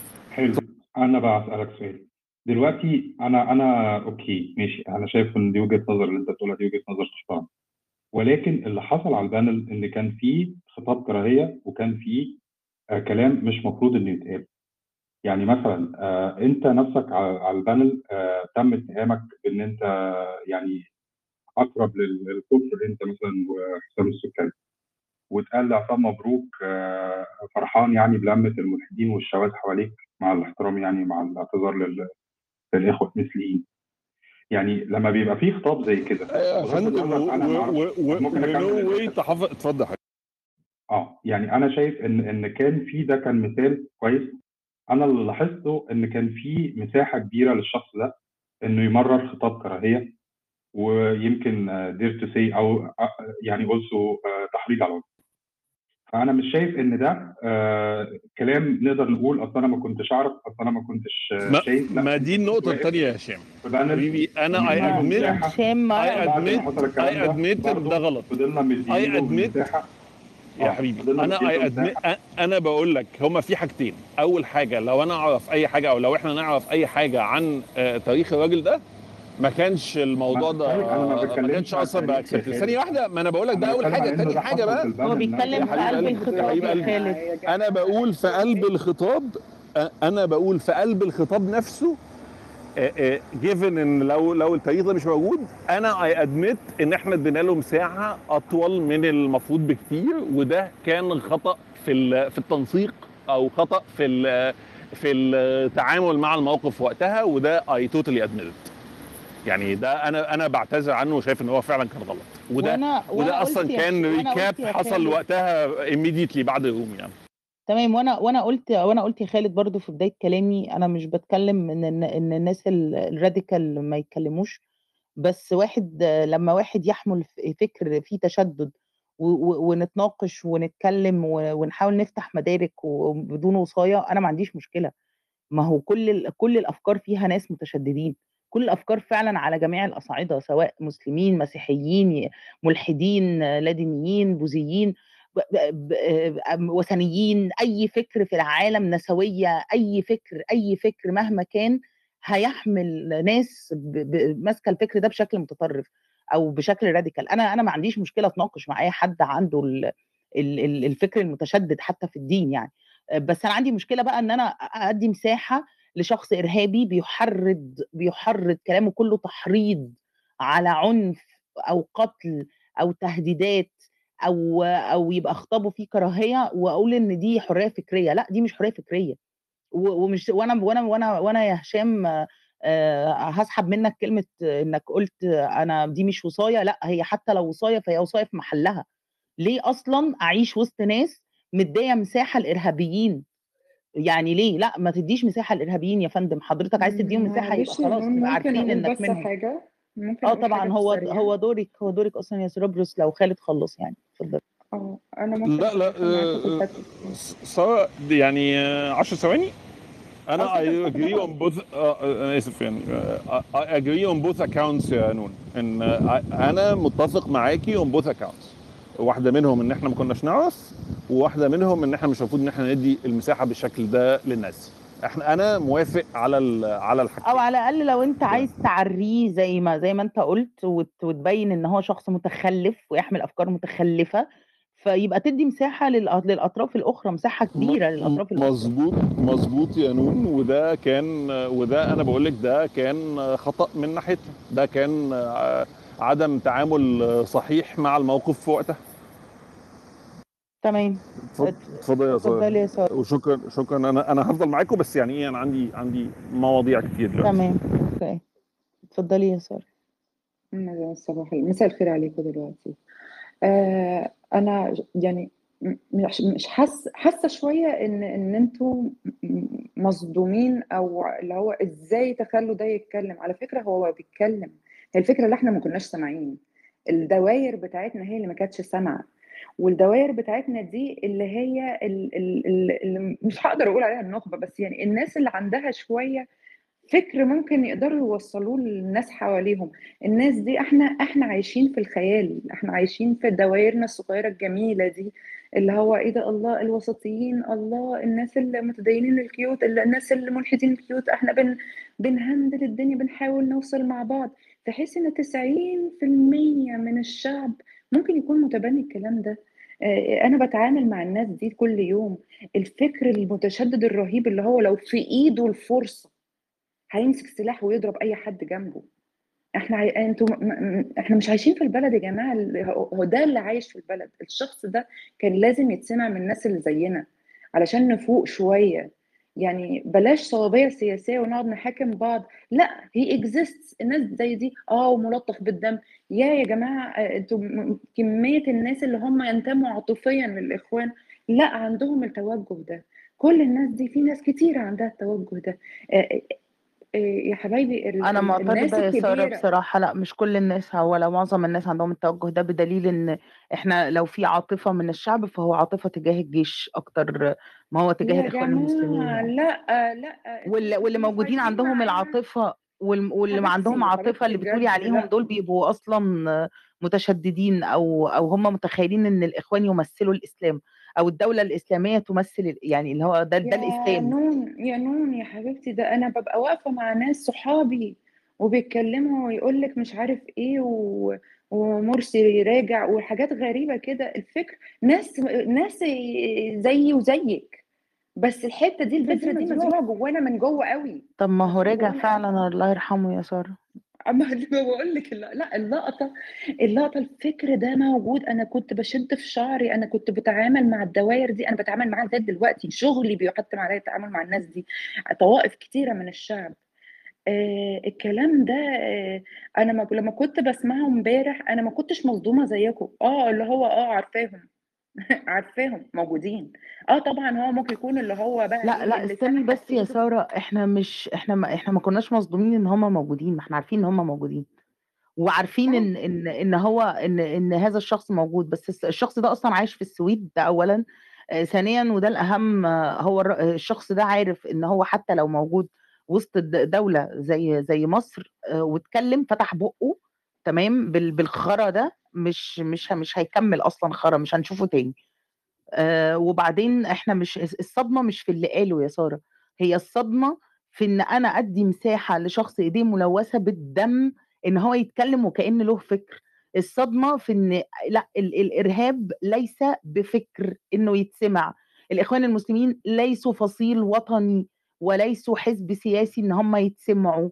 هو هي دي الصدمة مش الصدمة في اللي قاله ما إحنا عارفين إن الناس دي موجودة أنا موافق على الكلام ده وعلى فكرة أنا موافق على إن هم مش فصيل وطني ولا ولا حزب سياسي وموافق إن هو كمان هو حتى ما بينتميش ليهم هو أصلا على الفار رايت منهم أصلا في حاجة نيلة زفت على دماغه يعني بس فأنا موافق على الكلام ده. معلش يا جماعة ماشي okay لا ينتموا ولا ي... ولا هم فصيل ولا فصيل ولا بتاع بس الناس دي لما بنبتدي نتكلم مع حد هو متخيل إن العالم لأ ما فيهوش ال- الوحاشة دي. الناس اللي حوالينا الناس اللي بت question بت... بت... بتتساءل عن ليه إحنا هدفنا إن إحنا نجدد الخطاب الديني إن إحنا نحاول نأثر آه، يعني ندور على بدايل لل- لل- للهراء اللي إحنا عايشين فيه. إن إحنا نطلع إن في لازم نظهر قصاده آه، الأستاذ الأزهري اللي كان موجود إن يدي فرصة للناس إن هم يشوفوا ده قصاد ده. مش مهم إحنا إحنا الملحدين الراديكاليين دول. لما بيبقى أنا بتكلم مع شخص زي ده هو بالنسبة لي آه، هو بالنسبة للشخص اللي بي- بيسمع تحت في ال- في ال panel تحت دي واحدة ملحدة وده واحد مسلم. هيروح للمسلم. هي... يعني هيسلم بكل حاجة بيقولها بغض النظر هو هو 100% هل هو في المية 100% موافقه ولا لأ. هيبقى في تحيز داخلي جواه. لما نحط واحد آه، مسلم أزهري بيتكلم معاه دي أبدى إن هو يدي فرصة للناس إنها تتحيز ل- لحاجة أحسن شوية. فلازم نظهر ال- البدائل. إحنا مش مهم. إحنا مش مهم إحنا ولاد كلب خلاص مش مهم. المهم إن يبقى في بدايل يبقى في بدايل زي كيانون زي زي ال- الأزهريين زي الناس التانية. هي دي اللي إحنا بنحاول نعملها. وأنا إمبارح آه ما كنتش بستحمل أقعد في الروم كتير كل شوية بطلع آخد نفس وأرجع. بس علشان أنا بسمع الحاجات دي أنا بقيت شايفة اللي هو آه أنا كنت جاية كلاب هاوس علشان أهرب من الحاجات دي اللي بشوفها حواليا. بس هم جم هنا وده معناه إن هو تأثيرهم واصل. فلازم نبين وندي فرصة للناس إنها تشوف في بدايل للخرا اللي إحنا عايشينه. فكان لازم ياخد مساحته. آه ممكن أكون مختلفة معاكم آه ممكن أكون متفقة معاكم إن هو يعني كان لازم ياخد على دماغه كل شوية. بس بس كانت كويسة. يعني أنا آه هو باين إن هو حاجة هرائية زيادة جدا. الراجل كان اكستريم وأخد أكتر من فرصته. بس دي بس دي كانت فرصة لأن الناس اللي حاسة بتتساءل إن إحنا ليه بنقول المستشار أحمد عبده ماهر آه، يعني بنتضامن معاه أو مش عارفة أي حد يتكلم على بد يعني على على شو على على مذاهب أخرى غير السلفية الجهادية أو ال- الإخوانية أو الحاجات دي. الناس تبتدي تسمع إن الناس دي تبتدي تحس إن في بدايل يعني الإسلام مش هو ده بس في حاجات تانية أحسن. بس شكرا. شكرا يا سارة شكرا ليكي آه، بس أنا برضو مختلفة يا سارة بصراحة إن إحنا ندي مساحة. واحد إيديه إيديه ملوثة برضو بالدم و... و... وقتل ضباطنا في في كرداسة ومثل بجثثهم. و... وكان مشارك بش... بشكل مباشر. عارفة لا ده ما ياخدش عارفة. مساحة. لا يا سارة لا لا أنا أنا ضد ده تمام أنا أدي مساحة للأفكار المتشددة على الساحة إنها ت... يا نون أنت ما بتشوفيش تتعرى الناس اللي بتتكلم على الجيش في الشارع؟ ماشي. لا لا أنا بس واحدة يا عشان سارة لا إحنا ما يا اديناش سارة. إحنا ما اديناش مساحة ل... لواحد قتل قتل ضباط جيش. إحنا ما نعرفش ده. ف يعني ماشي عشان بس نبقى واضحين. آه عشان كمان أنا أكيد ما كنتش آه. آه أنا كان ممكن أكون اغير رأيي اللي هو لا لا لا لا أشكرك. أنا كنت بعمل كده في رومز اللي هو إيه ده أنت بتهدد حد بالقتل؟ أنت بتقول لحد حد الرده أيوه يا سارة بالنسبة بالنسبة يا سارة معلش يا سارة بالنسبة للناس اللي بتبقى قاعدة في الأودينس من ال... من الناس اللي متخيلة إن إن مهاجمة آه، الدولة الإسلامية هي مهاجمة للدين وإن اللي طالع بيدافع عنها وكاتب وعد الاخره وطالع بيهدد وبيقول هو ده اللي هيحصل وهو ده الوعد وهو ده اللي هيتم. انت شايفة إن ده ده دي مساحة؟ لأ دي مش مساحة يا سارة. المساحة دي لو أنا فكري متشدد وفي أي على على أي صعيد وببتدي أتكلم وببتدي أتناقش وأتجادل الفكرة بالفكرة لحد هنا دي مساحة. بره ده مش مساحة يا سارة. لو في واحد شاب واحد من اللي قاعد لو شاب واحد من اللي قاعد عنده النزعة اللي انت بتقوليها دي فأنا اديت مساحة لل- لل- للخول الإرهابي ده إن هو يستقطب الشباب بتوعنا. مش شفتي بنفسك يا سارة. سارة انت شفتي أيوه أيوه لا وأنا وأنا مش ما مستني بقى. مش مستني. حلو حلو حلو هو مش مستني. ما شاركش ما شاركش بدقيقة واحدة. ما شاركش بإنسان واحد يستقطب ما شاركش بيه. انت شفتي يا سارة على كلاب هاوس العيال الشباب الصغيرة اللي بيروحوا يشتموا ويهددوا وياخدوا في الأعراض بناء على تعليم ال- عشتها ال- ال- عادي. ال- آه العقول آه آه. الكبيرة. يعني العقول الكبيرة بتوجه ناس معينة. طب وعيال نفس صغيرة. الكلام بيتقال لك يا نون نفس الكلام بيتقال لك انت بتتكلمي مع شريف عبادي ليه ولا اتكلمتي معاه ليه؟ ما هو يعني الفكرة إن إحنا بنتعامل مع الموضوع إن أي واحد ياخد يمين عني سنة أو ياخد شمال عني سنة هو غلطان وده كارثي لا آه يا لا يا يا خالد ما لا معلش بتاعتنا. معلش يا خالد لا ثانية واحدة بقى. لا هو أنا مش الموضوع هنا أنت برضو عملت مقارنة غلط أساسا دي مغالطة. لأن أنا لما لما أنا أنا أنا من أقل الناس اللي تقول لي لو حد خد يمين سن عني أو شمال سن عني أنا كده مش مش هديله المساحة. أنا بدي مساحة لكل الناس. أنا متقبل أنا حرفيا متقبلة كل الناس وهي دي أصلا المشكلة. يعني أنا أصلا بت- عادي بتكفر وبيتقال عليا مرقعة وبيتقال عليا آه، مسلمة بضان وبيتقال عليا آه، ملحدة وبيتقال عليا كل ده عشان أنا حرفيا متقبلة كل الأفكار سواء راديكال أو وسطية أو إلحادية أو ايا كانت.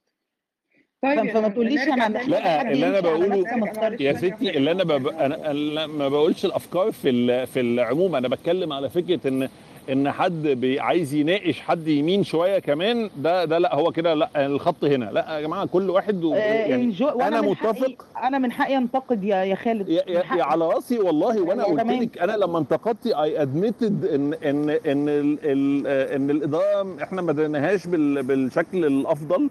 وكمان I admitted إن إحنا absolutely لو كنا نعرف ال- التاريخ بتاع الراجل ده ما كن- ما كناش دخلناه. فهي يعني أنا حاسس الموضوع ده خلصان. فإحنا و rehashing حتة أيوه لأ بس ما تاخدش ما تجيبش واحد آه، آه، إرهابي قتل. ما إحنا عارفين ما إحنا متفقين. اون re بتكلم hashing حاجة إحنا متفقين عليها. اللي أنا بتكلم عليه إن بغض النظر ماشي آه هو ده طلع الإرهابي اللي قتل بس في ناس تانية متبينة متبنية نفس الفكر بدون حتى القتل بس الفكر ال ال ال يعني ب لو أنا أنا ما أعرفش إن الراجل ده كان من ابن فين؟ أيوه لما أدي بقى مساحة لده يا بصي يا سارة لما هدي مساحة لده لوحده كل- كلمتي لآخرها عشان تعرفي أنا بتكلم عن إيه.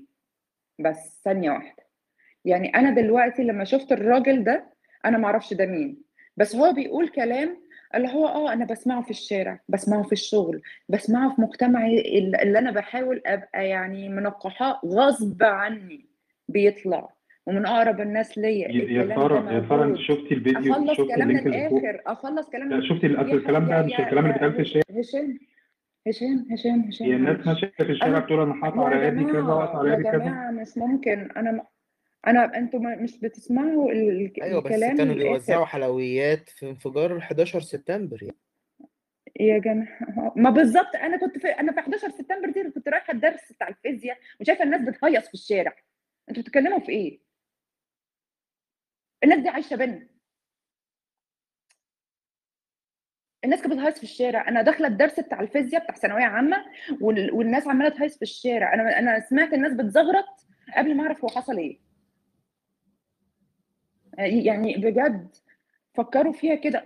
الناس دي كلها ما قتلتش بس الناس دي بتحب الكلام ده بتاع... بتعمل دماغ على الكلام ده فلما يطلع الكبير بتاعهم. ويتشاف كده علشان الناس تفتكر تفتكر وتستوعب إن في بدائل لما يتحط قدام قدام الرجل الأزهري يحسوا اللي هو لأ طب ما في حاجة تانية أحسن شوية ممكن نبقى إنسانيين أكتر. يعني اللي بي- فرصة يعني يا سارة احسن انت متخيلة إن اللي بيحكم بيحمل الفكر الإرهابي هيستنى الشيخ الأزهري يقول له مش عارف إيه؟ ما يا يعني ستي خلينا برضو هيسبورت بقى لا خلينا نو نو نو نو يعني معلش خلينا و... يعني خلينا واقعيين بس شوية. يعني أنا أنا أحمل فكر إرهابي. أنا مستنية ش- الشيخ الأزهري يتكلم. طب ما ما ما, ما معلش يعني ما الدولة بت... بتحاول الناس تخ... اللي تجدد leaning a little bit to the right.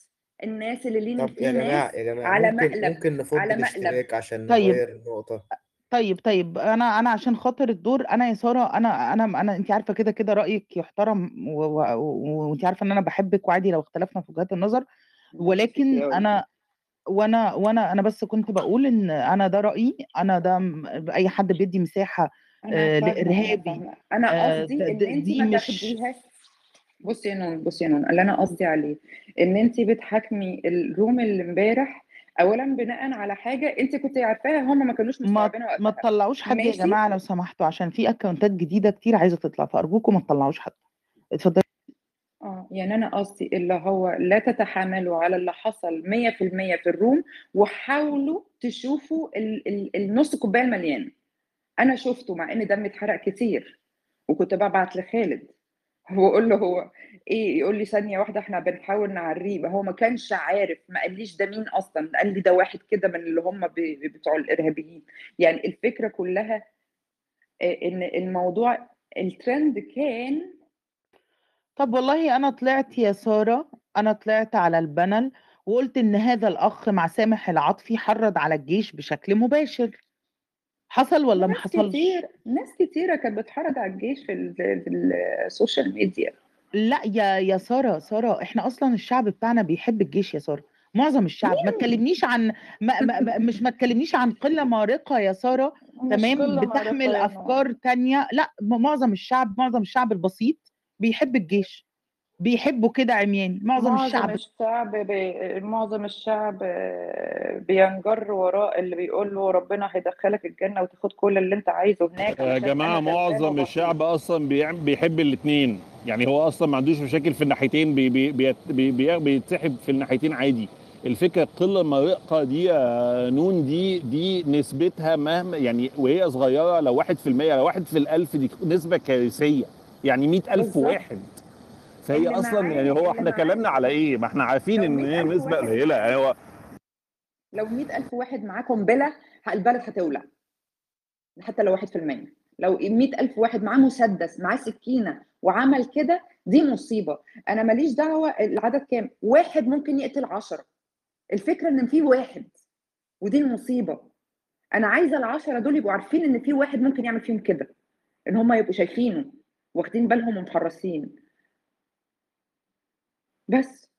أنا مش هقول حاجة أكتر من كده بقى علشان أرجع أشتغل. وخلينا بس إيه نماستي نماستي نهدى كده. وموضوع يعني نبص على نص الكوباية السلام عليكم. المليان حتى لو بق.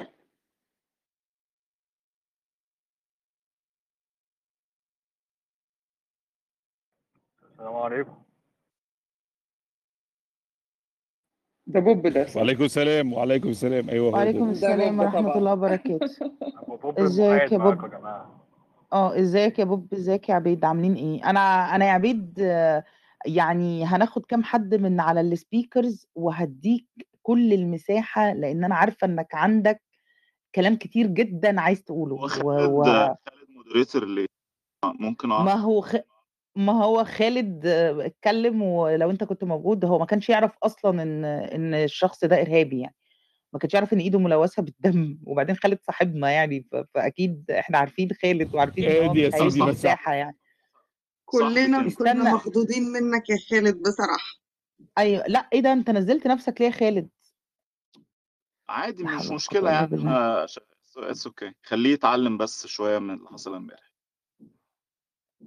آه آه، ما هو يعني هو أصلا معانا على السمع هو قال إن هو ما كانش تاني يعرف إن تاني الشخص آه آه ما هو تاني يا عيب بقى عيب بقى يعني عيب يا خالد يعني أنت أنت صاحبنا يعني. وبعدين إحنا عشان عارفينك وعارفين فكرك ف... فتمام إحنا مصدومين كلنا كنا وإحنا مصدومين امبارح بنتقبل الرأي الآخر طيار بينا يعني. عادي. آه يعني خسارة ماشي خسارة يا خالد انت قبل ما تنزل كنت في النص طيب فكنا محاصرينك كده آه آه مم. أنا قبل بس أنا أنا أنا أصلا عبيد ده عنده كلام كتير جدا وأنا عايزة بقى يقول كل اللي هو عايزه آه، بس أنا عايزة بس آخد اتنين تلاتة من ال speakers عشان قاعدين بقى لهم كتير و... ونرجع بقى لل... لل moderators وت... وت... وتفتح المايك يا عبيد و... واعمل الحفلة يعني آه، ب- أتمنى من ال speakers. ي... يعني يختصروا بس مداخلتهم عشان خاطر في كلام كتير مهم هيتقال وهعمل reset سريع لل room يعني. آه، أستاذ رودي واستاذ بو أستاذ حسن هيتكلموا وبعد كده نكمل مع ال moderators. آه، أستاذ رودي آه، لو اختصرتوا مداخلات ممكن ناخد حد أكتر يعني. اتفضل أستاذ. مساء الخير هحاول أختصر أول حاجة بس أنا هبعد عن عن مناقشه روم امبارح وأتكلم في العنوان أكتر. في جملة كده اتقالت آه، عجبتني جدا إن أنت كلما تسيء الظن بالإخوان تكتشف إنك كنت تحسن الظن بهم. فهم ما لهمش آخر يعني. ما دي, دي حاجة لازم تعرفها وأنت تتعامل معاهم آه، فكرة الإخوان فصيل وطني. المشكلة أساسا في الع... في, في, القناعات بتاعة اللي أنا قلت الكلام ده في الروم امبارح واقوله تاني هنا. مشكله في قناعات الناس الإسلاميين وكل اللي بينتمي للتيار الإسلامي إن هو في النهاية هو لازم الإسلام يسود على على, على الكرة الأرضية كلها. والعالم كله موجود في أدبيات الإخوان موجود عند ال- الإرهابيين موجود عند. حتى الأزهر الناس كلها. وأحاديث. وروايات وحكايات ومهدي. وكل كان فالفرق بين الإسلامي الكيوت والإسلامي الإرهابي إن ده قرر إن هو ينفذ الموضوع دلوقتي فما فيش أي خلاف كبير قوي بينهم فإزاي إحنا نتكلم في حاجة زي كده الخلاف إن هو ممكن يبقى في إنسانية أنا ما أنكرش انسانيا في خلاف آه يعني هو مش ما يقدرش يعمل الكلام ده دلوقتي بس هو الإرهابي بينفذ دلوقتي والخناقة بين علاء و علاء الظاهري وال... وال... والإسلاميين التانيين اللي بيتخانقوا معاه إن إحنا هننفذ دلوقتي هنقدر ولا مش هنقدر؟ هو بيقول لهم نكون جيوش عشان خاطر آه، في السودان وتخش مصر ويقول لا مش هينفع. أصل مش أصل الجيش هيكسبنا. فالخلاف كله استراتيجي يعني مش خلاف آه، والمشكلة إن المسلمين زي ما كانوا بيقولوا ليه الناس متعاطفة إن إحنا بنتربى على الكلام ده هنتربى آخر الزمان وهننتصر وإحنا محزونين دلوقتي إن في المستقبل هنكسب وهنعمل فهو الناس جاهزة لل- للخطاب ده أساسا. فما ينفعش أصلا واحد يكون مؤمن بإمبراطورية دولة ما اسمها خلافة يكون فصيل وطني من دولة قومية أو قطرية مؤمنة بمصر. يعني هو جاي ياخد مصر وحتى كانوا بيقولوا كده مصر ولاية مصر هي ولاية من من الخلافة. طب مش هنحل الجماعة ليه؟ عشان الجماعة دي مسؤولة عن حاجات تانية. فأنت مجرد فهو ما ينفعش واحد هيجي يخش الحكم عشان في المستقبل يبوظ النظام ده. فمش متاح يعني مستحيل يكون فصيل وطني. أقول يقول راجل طيب لو أنت بتحبه راجل حلو راجل وحش أنا مش شايف وحش يعني. بس هو مش وطني هو ما ينتميش بيوت فان نخلي الإرهاب نختصره في إن هو وجهة نظر وكنا جايبينه ناخد منه وجهة نظر وبنختلف في وجهات النظر. لا يا فندم دي مش وجهات نظر ده إرهاب. أنت إيش ضمنك إن وجهة النظر اللي هو بيتكلم والراجل دوت ما شالش سلاح قبل كده ما موتش حد قبل كده فبالتالي مش إرهابي؟ مين قال لك إن كلامه دوت مش هيخلي ستة سبعة أو واحد بس من اللي بيسمعوه تحت؟ ينفذ عملية انتحارية. مين قال لك؟ مين اللي أكد لك ده؟ هي الناس اللي هم بينفذوا عمليات انتحارية هم اتولدوا كده ولا كان في ناس بتنظر عليهم؟ اللي هم أصلا مش بيموتوا حد خالص. اللي هم أصلا قاعدين فوق كده هم ما بيعملوش حاجة ولا بيشيلوا سلاح ولا بيفجروا نفسهم والكلام دوت. لكن اللي تحتيهم هم اللي بيعملوا كده. يبقى إحنا نصنف بس اللي بيموتوا هم الإرهابيين. تاني حاجة حتة فصيل وطني يعني أنا ماشي أنا معاك إن هو ممكن يكون فصيل وطني لو هو مؤمن بفكرة الوطن هو مش مؤمن بفكرة الوطن أصلا. ما الوطن يعني إلا لما يجي من التراب. لما يجي مرشد الإخوان يقول لك طز في مصر. ولما يجي حد تاني يقول لك أنا المسلم اللي في إندونيسيا أقرب لي من المسيحي المصري. فين الوطن في اللي أنت بتقوله دوت؟ أنت عارف يعني إيه وطن ولا مش عارف يعني؟ فحته إن هو فصيل وطن واللي بستغربه كمان بقى حتة التعاطف ومش عارف إيه. يا جماعة مفيش تعاطف مع إرهابي. وزي ما قلنا الإرهاب مش مش مش مش سلاح مش دم مش إن أنا أعمل كده. ده أنا الكلام ده أنا أول مرة أسمعه. يعني لما بيكون واحد مختل عقليا آه، ويموت مراته وعياله ده كده ده مش إرهابي. ده مش إرهابي. هو عمل ده بس مش إرهابي. لأنه ما عندوش فكر إرهابي ما عندوش خطاب كراهية. هو عنده مشكلة نفسية. فحتة إن إحنا نختزلها في إن هو دي وجهة نظر ومش عارف إيه وكان لازم نسمعه لا أنت عارف إن هو إرهابي وعارف إن خطابه بيحض على الإرهاب وعلى الكراهية وإن ممكن حد يسمعه وينفذ عمليات إرهاب آه، حاجة كمان برضو ال- ال- المستفزة جدا جدا أنا على فكرة أنا أنا وأنا في آه، في 2011 أنا كنت عيل صغير أنا كان عندي 12 سنة فوعيت على الثورة يعني من الآخر كده وعيت إن هو. حسني ده بيمشي وأنا مش فاهم حاجة ولسه عيل آه، فمع الوقت بقى ومع نزولي وسط البلد واصحابي والكلام ده خلاص أنا بقيت يعني تفكيري بقى لحد ما يساري آه، معارض الكلام دوت إلى حين إن أنا بقيت أشوف المعارضة اللي بتنيره دلوقتي. يعني المعارضة فعلا أنا مش فاهم دي معارضة إزاي وهي إزاي بتقول عن نفسها معارضة. يعني أنا أعرف إن في مؤيدين معرصين دي معروفة لكن معارضين معرصين وهم أصلا في حالة ضعف وبيعرصوا لبعض أنت ليه تعمل كده؟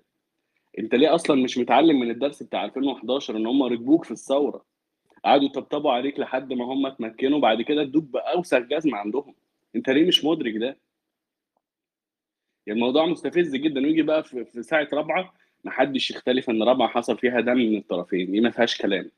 تمام؟ بس لما تيجي تنقل الصورة كاملة انقلها كاملة بقى. ما تقعدش بقى تقول إيه أصل اللي مات من كذا. طب أنت فكرت تعمل لقاء مع أهالي الشهداء اللي ماتوا في رابعة من الجيش؟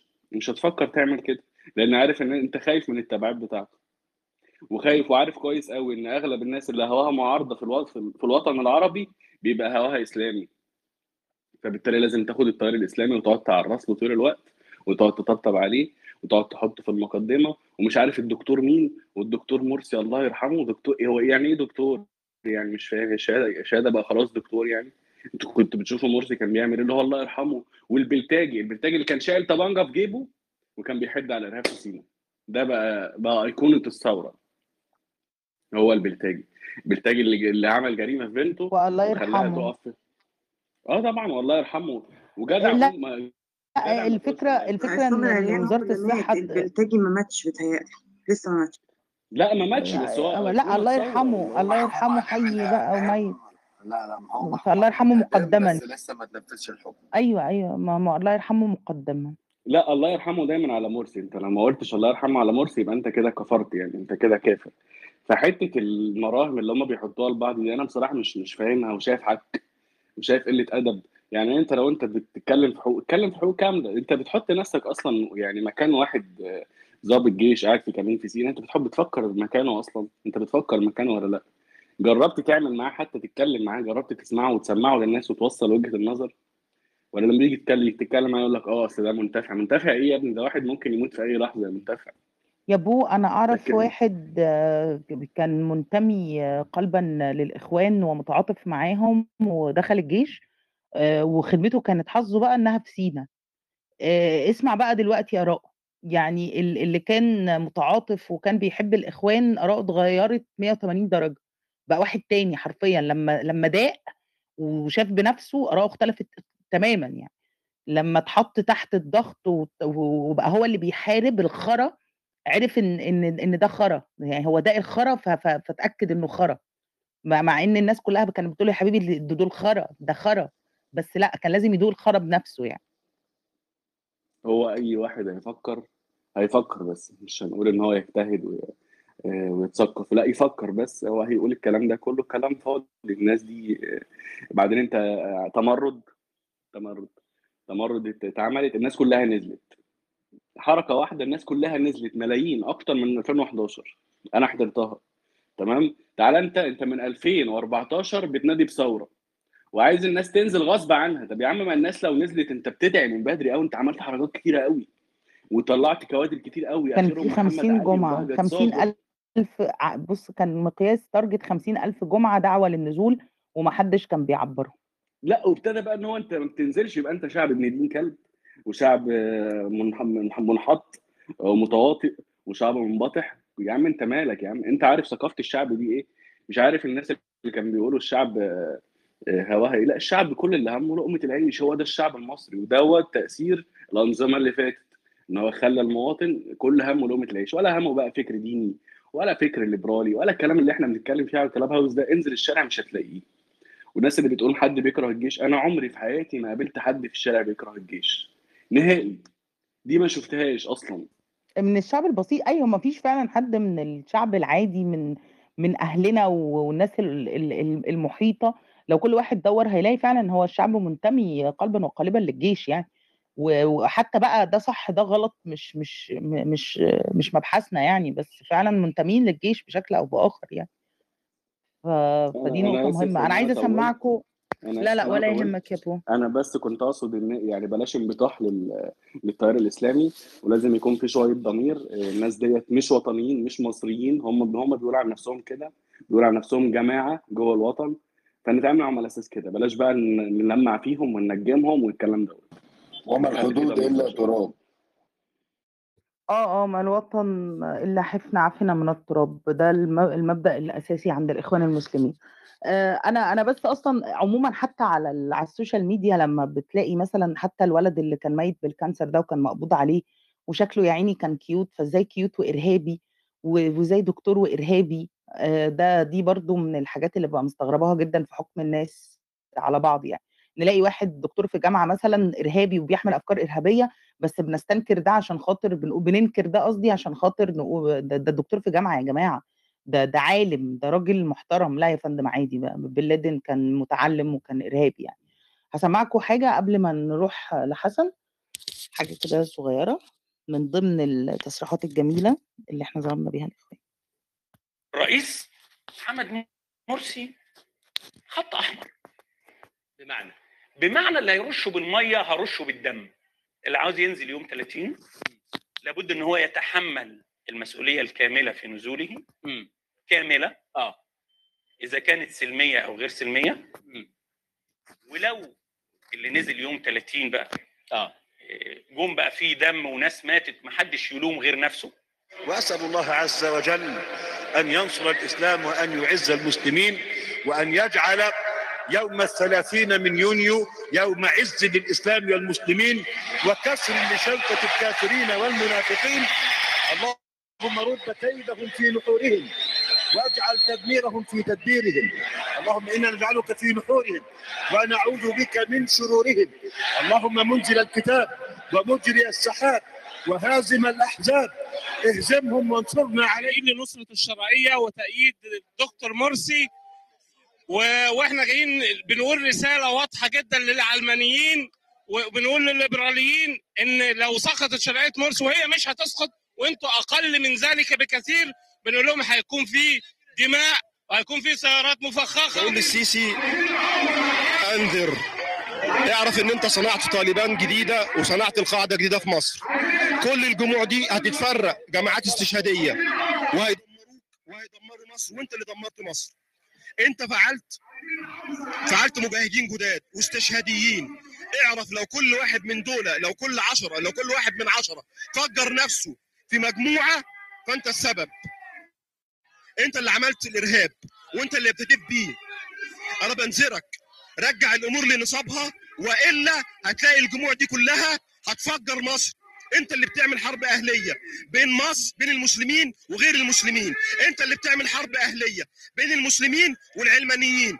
انت اللي بتعمل حرب اهلية بين المسلمين وبين الشيعة. وانت اللي فجرت وانت اللي كتبت شهادة وفاة جامعة جبهه الإنقاذ ورجالتها. وانت اللي كتبت جب وانت اللي كتبت شهادة وفاة كل. كل متمردين وانت اللي كتبت شهادة وفاة كل واحد عارض الرئيس مرسي وعارض شرعية الصندوق ده دي تصريحات بسيطة من آآ sorry دي كانت تصريحات بسيطة من قيادات الإخوان و أوكي. آآ بين قيادات الإخوان و و و والمنتمين للجماعة يعني. آآ التهديد بالدم والتفجير وسيارات مفخخة و وقتل وتفجير وكل واحد يفجّر نَفْسه، بس ده لمّا بيُنفّذ لأ، دول مش الإخوان يا جماعة ده ده ده فيلم كرتون. طيب نروح لعبيد وبعد كده نروح لحسن ونكمّل الدور بعد بعد عبيد عشان خاطر بس لو هو محتاج يمشي يعني. عبيد معاك كل ال الوقت ومعاك ال المايك اللي ما عرفتش تقوله امبارح في ك وتم ال الإقصاء ل لمعظم الناس ال ال المحترمة اللي تطلع تتحدث، اتفضل يا عبيد.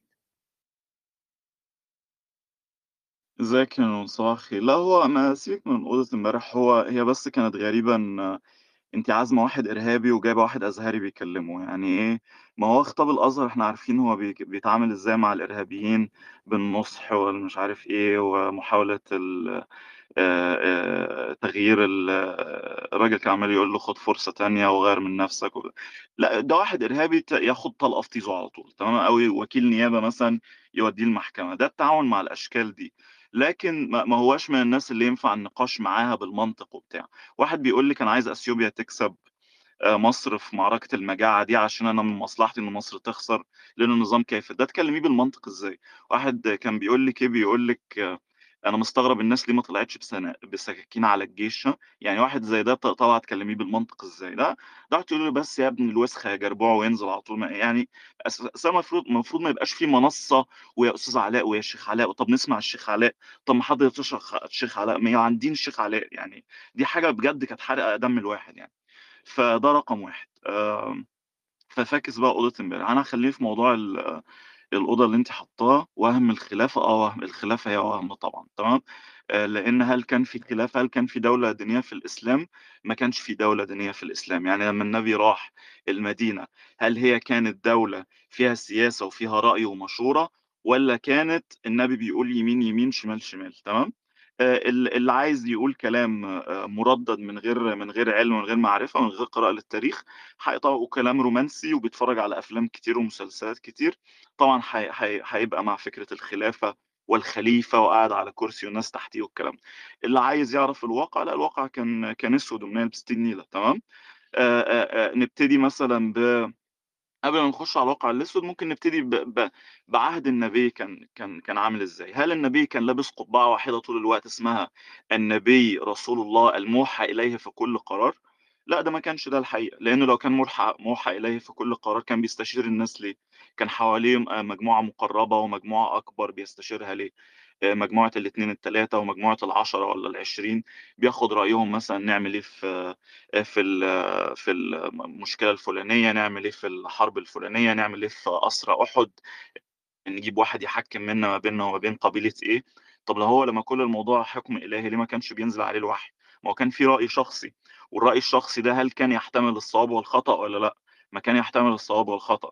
مش أنس لمّا عن لمّا كان بيقول لك إن النبي مَر على ناس بيلقّحوا، يعني يخلّوا الذكر في الأنثى فيُلقّح.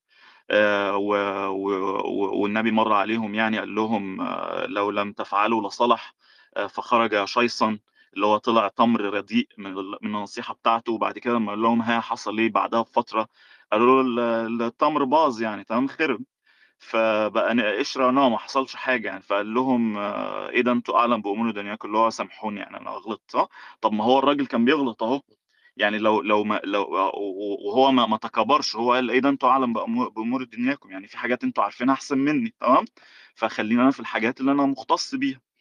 آآ ولمّا النبي مات على طول كان هل كان في خلافة؟ هل في دليل على أساس إنه ساب الخلافة على لأبي بكر؟ ما كانش في دليل على خ على إنه ساب الخلافة لأبي بكر تمام، أول ما النبي مات حصلت مشكلة ما بين قريش وما بين ال الأنصار اللي هم أهل المدينة. قريش قالوا إحنا الدم والعيلة والقبيلة والكلام ده، والأنصار قالوا آه ماشي بس أنتم طردتوه وإحنا اللي قويناه، فإحنا الأولى بال بالحكم ف و وابتدى يحصل ما بينهم خلافات ومناقشات، وبعد كده الأنصار يروحوا يقولوا لهم طب ماشي تعالوا منا الأمراء ومنكم الوزراء، يقوموا قريش رافضين، طب إحنا ولا ولاية نوع كده زي الحزب الديمقراطي والحزب الجمهوري يقوموا القريش رافضين.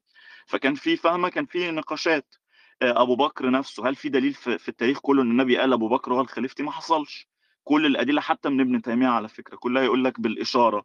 يعني يقول لك أكيد كان النبي يعني أبو بكر لما لما كان يقول وليس فيكم من تقطع من تقطع إليه الأعناق مثل أبي بكر.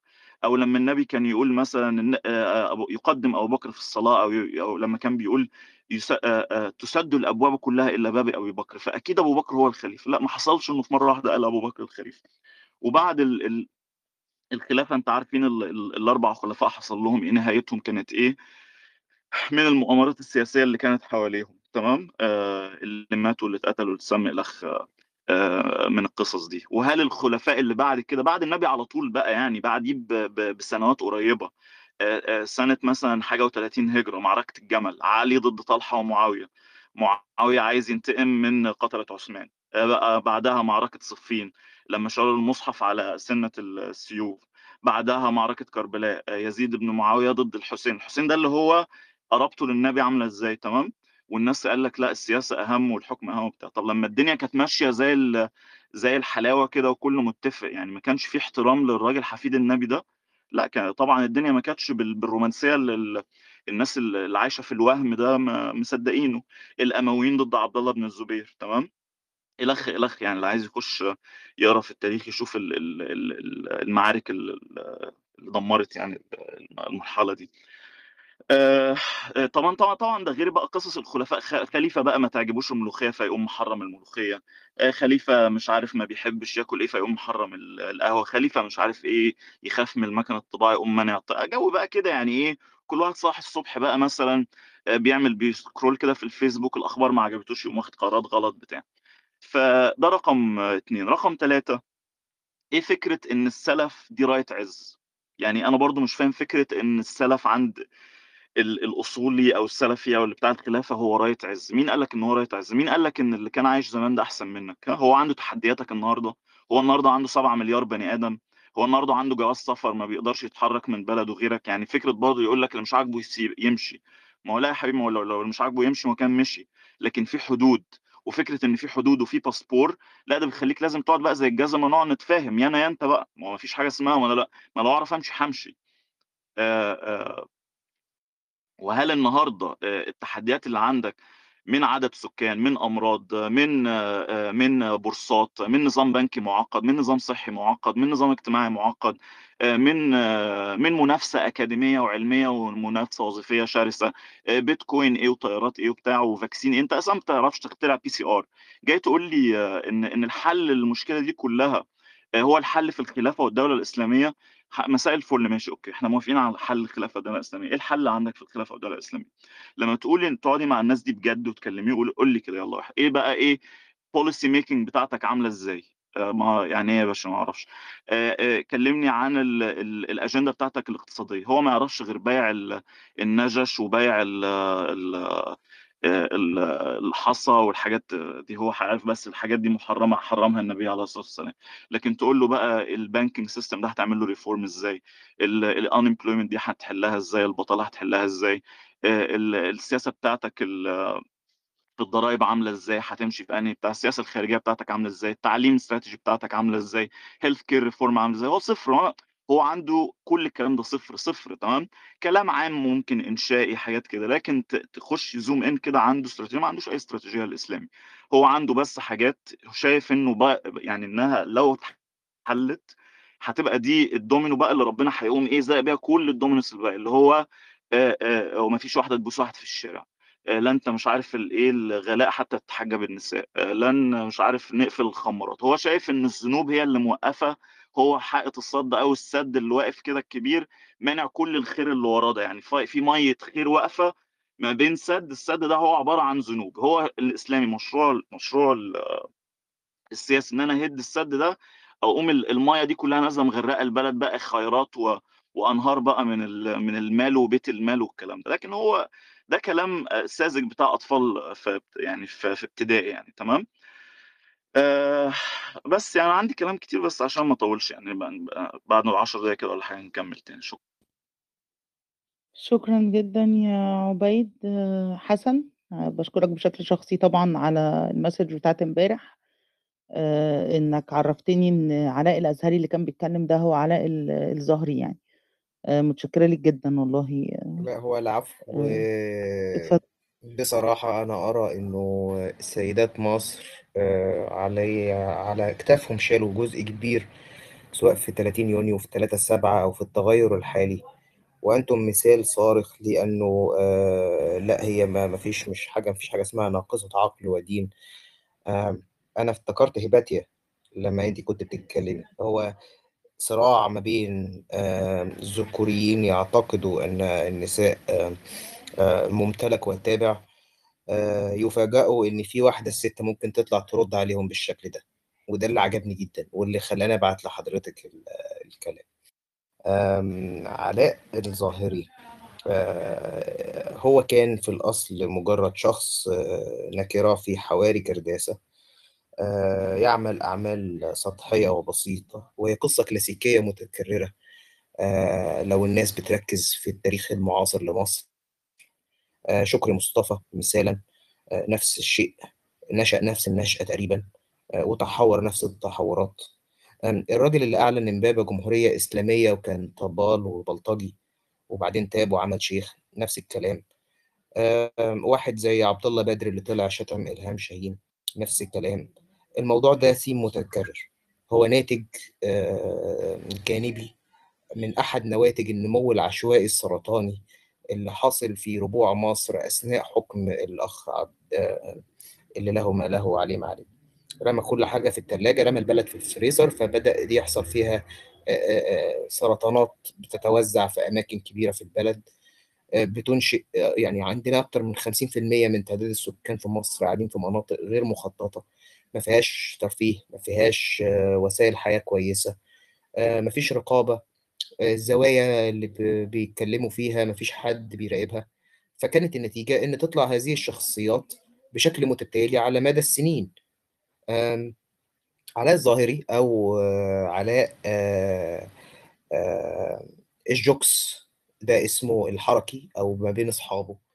الجوكس كان نفس الكلام، بلطجي تائب، تقدر حتى تستشف من ال vocabulary اللي بيستخدمه آآ ال background بتاعه شكله عامل إزاي يعني، مش موضوع مش صعب. مع الثورة طبعًا بدأ يبقى في إيه، مصلحة آآ لإنه الإسلاميين بقى معاهم فلوس، وطبعًا ال الناس الوصولية بيبقى سهل إنها تشوف المصالح على طول. فم زي مثلًا عبد الله الشريف، عبد الله الشريف كان سواق تاكسي واتمسك بحشيش ودخل السجن وخرج وحاجات كده، وبعدين تاب وعمل شيخ ومسك زاوية وبقى شيخ عبد الله و وعبد الله الشريف اللي هو دلوقتي قاعد في قطر، فيعني نفس الكلام. آآ فهو لقى مصلحة وبعدين انضم لحركة حازمون، وطبعًا إحنا فاكرين حركة حازمون والمشاكل اللي عملوها والتحريض والكنايس وكاميليا وكل الحاجات الجميلة اللي ظهرت آآ وطلعت من البلاعات بعد خفوت قبضة حبيب العدلي، اللي وإن كانت ظالمة إلا إن هي كانت بتخفي عن السطح، آآ يعني مجرد كده بيحط سجادة على الوساخة، فأنت ما بتشوفش الوساخة بس هي موجودة، آآ على عكس اللي بيحصل دلوقتي. في واحد دلوقتي بيجفف المستنقع وده الفرق. الناس دي بعد ما انضم لحازمون وإلى آخره، طبعًا مع 30 يونيو وتبعاتها، كان من أحد المحرضين الأساسيين والحركيين والموجهين والممولين للناس اللي كانت بتهاجم اسم كرداسة، وتوريد بعض الأسلحة المهربة للناس اللي استخدمتها، ومنهم أخوه، وأخوه متهم ب ب3 جرايم منها تعدي على كمينين غير موضوع اسم كرداسة. أخوه اتمسك واتعلق على حبل المشنقة، آآ بعد كده ال الأخ علاء آآ طبعًا بعد ما عرف عمل خَد نفسه وطلع على الظهير الصحراوي.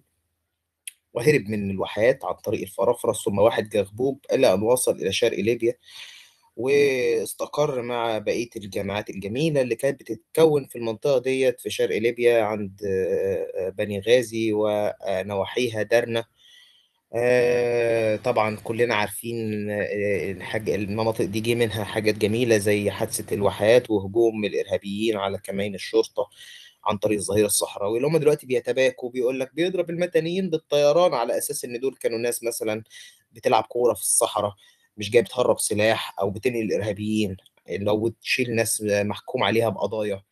المهم فهو طلع ليبيا وقعد في ليبيا انضم آه، للجهاد. فهو فهو برضو علاء الظاهري يعني background لأن أنا أنا عندي هواية في إن أنا أقعد أسمع ساعات طويلة من نقاشات السلفيين والجهاديين. آه، مش مازوخية بس أنا شايف إنه الدين ظاهرة تستحق الدراسة وآثاره ظاهرة تستحق الدراسة السوسيولوجية. فعلاء الظاهري عنده آه، آه، زي تمجيد طفولي للغزوات زي برضو الأخ آه، وجدي غنيم يعني يشترك وتلاقي كده إيه حافظ الغزوات ومين طلع وعاه وطلع بالسيف الحاجات الحلوة دي. فتلاقيه هو بس كان يقول لك أنا مسكت الكلاشن بتاعي ولو نزلت بالكلاشن يعني بقى هو بقى مجاهد وحركي وكده. الأخ علاء طبعا بالكلاشن عمل اكشن في ليبيا اتمسك زي الفار. حفتر حطه في السجن آه، ميليشيات آه، التابعه ده في الأول قبل ما بيبقى حفتر يعني له جيش نظامي كان في ميليشيات تحاول ضبط وتكوين نظام معادي للإسلاميين في شرق ليبيا بعد ظهور العمليات الإرهابية وذبح المصريين وغيره. آه، وده طبعا متوقع يعني ما تعتقدوش إن إحنا نقف نتفرج وهم بيعملوا جنبنا دولة مش عارف إيه وبتاع ويقتلوا المصريين. آه، فالمهم يعني اتمسك وبعد كده اتدفعت له فلوس وهرب عن طريق ناس يعرفهم آه، خد طريق البحر وهرب بري عن طريق شرق أوروبا إلى أن وصل للسويد. أبعد اللي هو حاول يروح أبعد مكان يعرف فيه. ولكن الفكرة كمان إن هم ليهم خلايا نائمة من الجمعيات المتسترة باسم الحركات الإسلامية في أوروبا اللي دلوقتي بيتم تفكيكها بالمناسبة وفي يعني كراك داون محترم تشكر عليه الإدارة حاليا آم، ككل الناس ديت آه، آه، انت بتسمع هو بعد ما اتلسع عرف ان هو ما يقدرش ان هو ما يتعاونش مع الغرب الكافر لأن هو قاعد عندهم ولو طلع من عندهم هيتمسك زي صرصار ف راح قدم قضية لجوء وقال السيسي الانقلابي الدكتاتوري الطاغية بيتهمني وأنا يا جماعة أنا أنا غلبان ما عملتش حاجة أنا بس راجل ملتحي وبتاع وكلام كده. طبعا هم عارفين كل شيء واتمسك ال CV بتاعه وانت يا حبيبي هو واضح انك انت إرهابي فاشل فانت هنستخدمك ان انت تصبح طعم تجيب لنا كل اصحابك ال- الجهاديين ونعرفهم ونعمل لهم file ونعمل لهم لستة عشان لو واحد فيهم الشيطان بعبصه نمسكه أوكي؟ ده دور علاء الظاهري وهناك ضابط آه، بيتابعه ومكتب وأنا أعرف المكتب كمان. فالراجل ده بيتحرك آه، كشبكة متحركة بيلقط رزقه. زي ما كان جهاز أمن الدولة بيعمل في مصر إن هو يطلع ال- اللي بيسموهم ال- الحركيين الخاص العيال الخاص يعني. لأن كمان في منهم ناس مشهورة بحاجات معينة. يعني مثلا سامح العاطفي ده. سامح العاطفي ده هرب هولندا آه، وكان عليه قضية في التنظيم الفنية في مصر وبعد كده هرب في التسعينات ولم ينزل مصر إطلاقا من التسعينات. قبل التسعينات كمان. آه، خد جنسية هولندية ثم تنازل عليها وراح بريطانيا لينتمي لنفس المكتب بتاع الإخوان هناك. وهذا الرجل آه، هو مجرد وسيط يتم استخدامه من عن طريق الإسلاميين تحت علم وإشراف الأجهزة المخابراتية في الدول اللي هو قاعد فيها. سامح العاطفي رجل شاذ جنسيا وليه ملف ومعروف وليه صحاب ذكور وفي بار سكس بيروح له في إنجلترا. وهو راجل شاذ والشواذ آه، عندهم مشكلة أو المثليين عندهم مشكلة في الطيارات دي إنه حاجة من الاثنين يا إما هيبقى ملحد يا إما هيبقى متطرف. وهو فهو طيب أنا نزلت حسن لأن الخطاب كده بقى خطاب قهاوي آه، فهناخد اللي بعده. آه، إيه اللي حصل؟ أنا ما كنتش موجودة. آه، ما حصل خير يلا اللي بعده بقى مين الدور على مين؟ أنا كان عندي آه مداخلة سريعة. بس آه يا بوب اتفضل. أنا مش فاهمة آه، حاجة إيه اللي حصل؟ أنا بس في آه، طريقة طرح كده بتاعت آه، إن فلان هويته السابقة كذا وهويته التالية كذا. أنا ما عنديش مشكلة على فكرة إن يكون فعلا كان شغال في مريم بلطجي وفجأة دخل السجن وفجأة خرج وبقى مواطن صالح وما عنديش مشكلة إن واحد حتى. آه كان بيشتغل في المخدرات وبعد كده ربنا تاب عليه يا عم وبقى شيخ حتى. يعني أنا حتى ما عنديش مشكلة مع الشخص عبد الله الشريف لحد المرحلة دي شخصيا يعني. ولكن عندي مشكلة مع التورط في الدم مع القتل. أينما يعني كي- كيفما أصبح القاتل قاتلا وكيفما إيه قتل المقتول يعني. أو في الحالة أنا عندي مشكلة مع فكرة إن حد اتقتل عشان عشان عشان في حد تاني مختلف مع فكرة النظر فإحنا خلافنا النهارده مع علاء. هو خلاف في فكرة إن هو علاء قاتل ومجرم وهارب من العدالة وشغال مخبر في الغرب عشان يظل هارب من العدالة و- ومش خلافنا معاه بقى إن هو كان بلطجي زمان ولا خلافنا معاه إن هو راجل بيدعي المشيخة ان محدش فينا هنا من التيارات المختلفة سواء كان مسلم أو حتى إسلامي أو ايا كان مختلف على فكرة إن الراجل ده ما أي شيء في الدين. يعني بس هي الفكرة كلها قائمة على نقطة واحدة هو إن إحنا خلافنا مع فلان ده إن هو قاتل. فكرة بقى الميول الجنسيه لتم العواطف اللي إحنا مش مش مش مهتمين نسمعها دي مش حاجة كويسة. فكرة إن فلان والله لأ ده خمرجي فمش إسلامي دي مش قصتي. مش أنا التيار اللي منوط بيا إن أنا أقيم الناس أو أعمل reviews يعني أنا بس مثلا مثلا يعني أنا هتطرق للناس اللي أظن يا إن أستاذ أنا بوب يا عنها. بوب أنت ممكن تحدد الشخص اللي قدامك من التناقضات بتاعته. واحد بي... لا لا بيشرب خمره ويطلع يقول لك الخمره حرام. معلش يعني حلو ده تناقض. اسالك سؤال بسيط أوي. سؤال بسيط. هو ليه لازما الشخص الصح يكون الصح المطلق والشخص الغلط هو الغلط المطلق؟ يعني مثلا هل بالضرورة إن أنا مثلا عبيد مثلا أخويا الكبير؟ هو ما أنا حدش قال صح مطلق. هل أنا ما حدش بالضرورة؟ بس ما حدش يدعي الفضيلة وهو أصلا أنا مش كده أنا ما يعني سألتش. أنا ما سألتش على فكرة. يعني مش عارف أنت بتجاوب السؤال إزاي وأنا ما سألتوش. هل أنا ينفع مثلا ادعي آه إن عبيد مثلا ما ينفعش إن هو يتكلم في في الاقتصاد مثلا علشان هو راجل عنده ديون؟ عادي ممكن يكون هو وضعه نفسه هو شخصيا مش عارف يسيطر على وضعه المادي بس هو كشخص فاهم حاجات كتير في الاقتصاد. ما في في فرق بين إنك أنت بتعمل إيه وإنك أنت مؤمن بإيه. كتير جدا ضعاف في شخصيتها ما بتعرفش تحقق أفكارها قصاد اللي هي بتعمله ودي مش قضيتي. يعني أنا بالنسبة لي مش مش مستني مثلا إن يكون علاء دوت آه، راجل من أول ما ربنا خلقه لحد ما أصبح إرهابي كان ملاكا قارئا للقرآن في خلق أحمد بن حنبل وفي علم ابن تيمية وفي مش مش مستني الهبل ده كله. أنا بالنسبة لي الشخص ده قتل قتل كسم خلص. دون بقى التطرق في التفاصيل. اتقتل كسم وخلص هي ثلاث جمل. لكن فكرة إن إحنا نقعد بقى نحلل ونقعد ندور في التاريخ ونجيب إثباتات ومش عارف إيه حتى حاجة مش ظريفة خالص. يعني وبعدين يعني by the way إحنا مش عايزين نخش في debate بتاعت هو يا جماعة اللي يشرب خمرة يبقى هو عارف ان هي حرام ولا مش حرام؟ ولا عايزين نخش في debate هم المسلمين في الجامعات الإسلامية هم مسلمين بحق وحقيقي ولا لأ؟ والحاجات دي كلها نقاشات فرعية يعني عقيمة جدا وطفوليه جدا يعني. وممكن نكمل في الدور. شوف الدور كان فين آه، شيخ عبيد؟ تمام شكرا يا بوب الدور كان عند اي اس وبعده أستاذ شمس على طول. اي اس اي بي اتفضل. أيوة. آه، السلام عليكم. أنا وعليكم اسمي السلام هشام ورحمة الله وبركاته. اتفضل. عليكم السلام. أنا اسمي هشام retired uh, doctor from California. يعني أنا عايش في كاليفورنيا بقالي 40 سنة في أمريكا طبعا. بس أنا طلعت على المعاش من 2017 آه، كنت بتفرج على البثات آه، اللي هو كان بيعملها علاء والحاجات اللي هم كانوا بي... كل البثات اللي هم بيشتموا مصر والجيش والحاجات دي فكنت طبعا بتضايق بتفرج عليهم وبتضايق. أما كنت بشتمهم طبعا يطلعوني ويعملوا لي block ويطلعوني. فقررت إن أنا أفتح آه، قناة على اليوتيوب اسمها أبناء النيل. ف ع- ع- أبناء النيل طبعا بقى تقريبا أقل من سنة يمكن سبع ثمان شهور.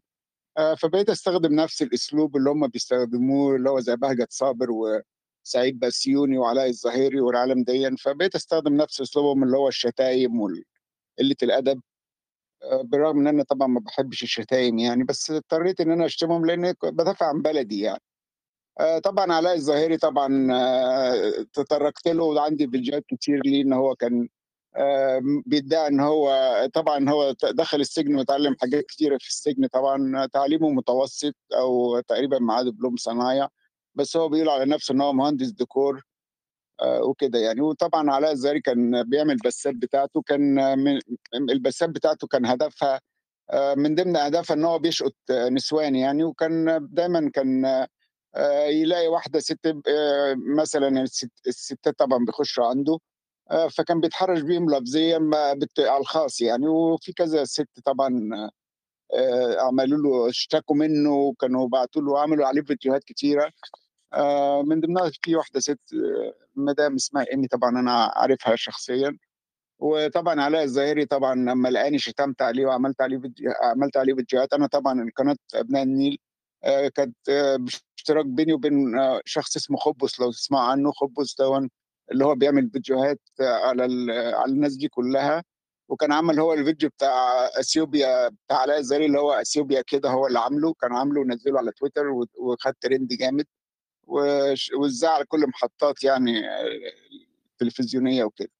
فأنا وخبز طبعا عاملين قناة أبناء النيل دي وبتمنى طبعا الناس آه، تشترك معانا وتيجي تخش في آه، لأن في معظم الناس ما بيحبوش الكلاب هاوس طبعا عشان آه، بيبقى في بتدي بيانات تليفونك وكده فما بيحبوش يخشوا في كلاب هاوس فأتمنى إن الناس كلها تيجي تشاركنا معانا في قناة أبناء النيل لأن قفلوا لنا القناة دي كذا مرة عملنا وكان عندنا فيوز كتيرة. بس آه، قفل- قعدوا يحاربونا طبعا وقفلوا لنا القنوات دي كتير. آه، اتقفلت كذا قناة وفتحنا قنوات تانية وكان من من ضمن القنوات اللي فتحناها قناة أبناء النيل واولاد البلد والصندوق الأسود يعني. فال آه، أستاذ أس. آه، أيوة، هل أيوة. عندك تعليق على عنوان الغرفة؟ يعني إحنا سمحنا بس أنا عايز ما أنا عشان فاهم أنا فاهم حضرتك. أنا بس عايز أقول طبعا علاء الظاهري دون من ضمن مش بس مدلس هو آه، متحرش آه، أنا فاهم يعني أنا رأيي بس هو ده.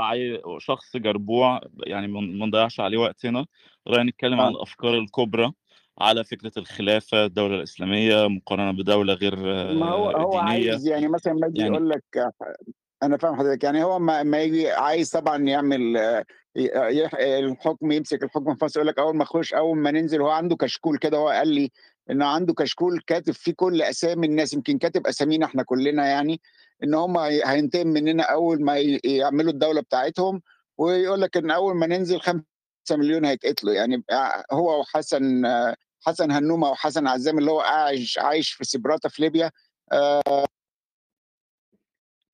ألو هو أستاذ آه، إيه اس راح فين؟ شكله آه حد نزله ولا هو خرج مش عارفة. طب لما يرجع بقى ناخد ال طب نكمل بالدور لحد ما الأستاذ إيه اس يرجع. تمام. آه، مين آه كان الدور okay. على مين؟ آه، آه شمس الدور ولا؟ على آه على شمس. آه اتفضل يا لا الدور على أستاذ شمس. اعمل refresh آه اتفضل. وعليكم السلام ورحمة الله وبركاته. اتفضل يا شمس. آه، اولا أنا معلش أنا هستأذنكم بس تسمحوا لي أتكلم لحد الآخر ولو في حد عنده أي تعليق أنا ما عنديش مشكلة في أي حاجة وأسمع أي حاجة. تحب تاخد وقت قد إيه يا يا شمس؟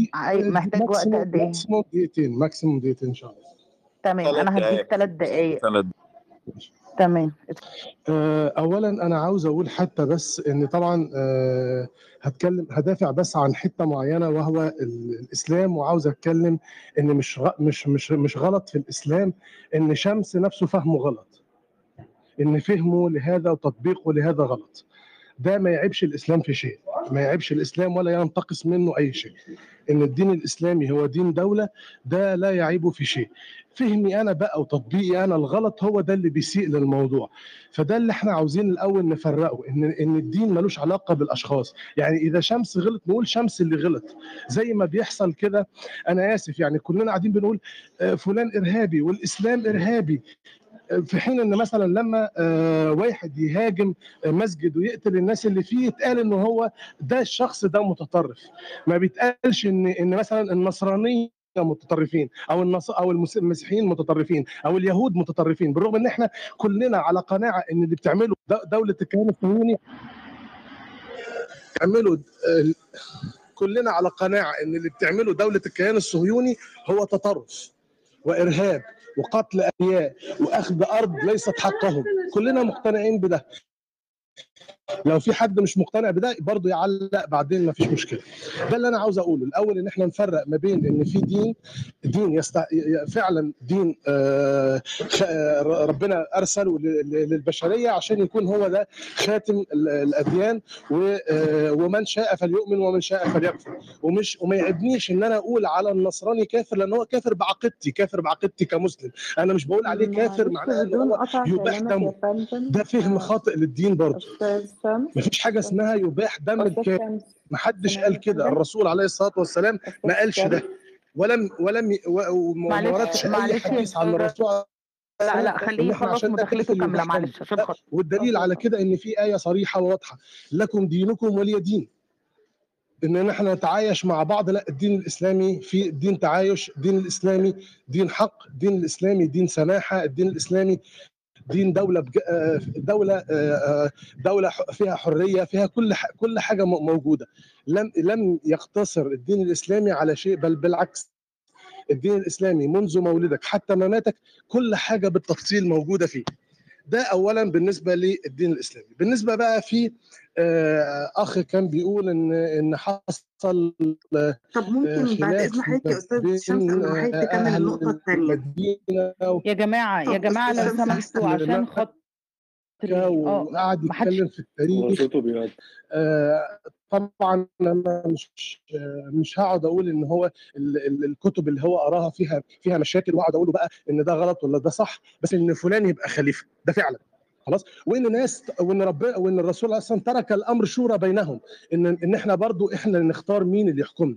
فده من ضمن برضو العقيدة اللي إحنا اتعلمناها في الإسلام إن أنت تختار مين مين مين اللي يحكم ال- ال- البلد أو مين اللي يستحق إنه يحكمها. بالنسبة لموضوع رابعة وناس كتير جدا قعدت تتكلم في موضوع رابعة وأنا يعني أنا معلش يعني آه يعني يعني اتضايقت بجد يعني من إن في ناس عمالة تقول الناس اللي في رابعة وجابوا أطفال أيتام ولبسوهم مش عارف إيه وعملوا إيه. كل ده كلام أنا آسف أنا كنت موجود في رابعة. أنا من ضمن أنا واولادي ومراتي كلنا موجودين في آه، موجود في رابعة. وكنت شايف إن حكم العسكر مش هيقدم البلد خطوة قدام وشايف إن الحكم العسكري طول ما هو موجود إحنا آه، في ضياع وإن إحنا مش مش هنوصل لحل. الح- الحل الوحيد إن إحنا نوصل لحكم مدني.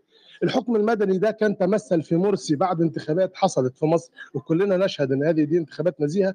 هو أخطأ بقى له آه، له آه، يعني هو الله يرحمه بقى هو له عليهم شمس عليه قدام ربنا هو اللي يا جيهان عشان خاطري إحنا عشان خاطري هل التيارات الأخرى الثلاث أخ... لا أنت داخل إحنا كده أربع ان دقايق هي تحالفت مثلا مع العسكر والنهارده اللي في مصر وال- إيه هو؟ والفقر اللي في مصر والعوز اللي ألو في أستاذ مصر والغرق اللي في سامع مصر كل ده بسبب ناس تمام. إيد العسكر وكان ممكن بكل بساطة زي ما حصل في المغرب النهارده. التيار طيب. الإسلامي طيب. أستاذ شمس ثانية واحدة. أنا عملت لك ميوت عشان أنت مش سامعنا.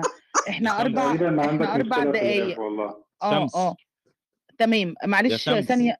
آه افتح المايك. شمس انت لو سمعنا آه، فهو شكله لسه بيتكلم أساسا يا شمس اعمل آه ما حدش سمعك. شمس. آه آه افتح المايك يا شمس محدش سامعك أنا بس بقول لك إن كده أربع دقايق يعني عدينا الأربع دقايق.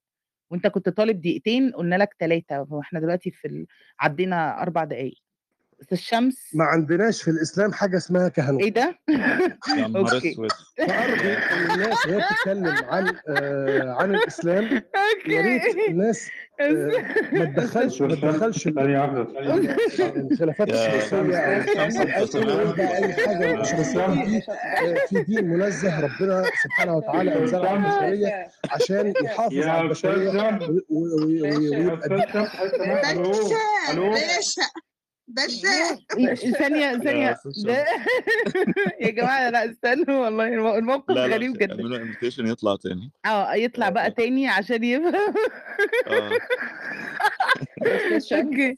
يا أستاذ شمس ممكن حضرتك سمعنا؟ حضرتك إحنا بننادي عليك من بدري جدا. حضرتك سمعنا؟ إيه ده في إيه خرج هو خرج تقريبا بيعمل restart لل router يعني.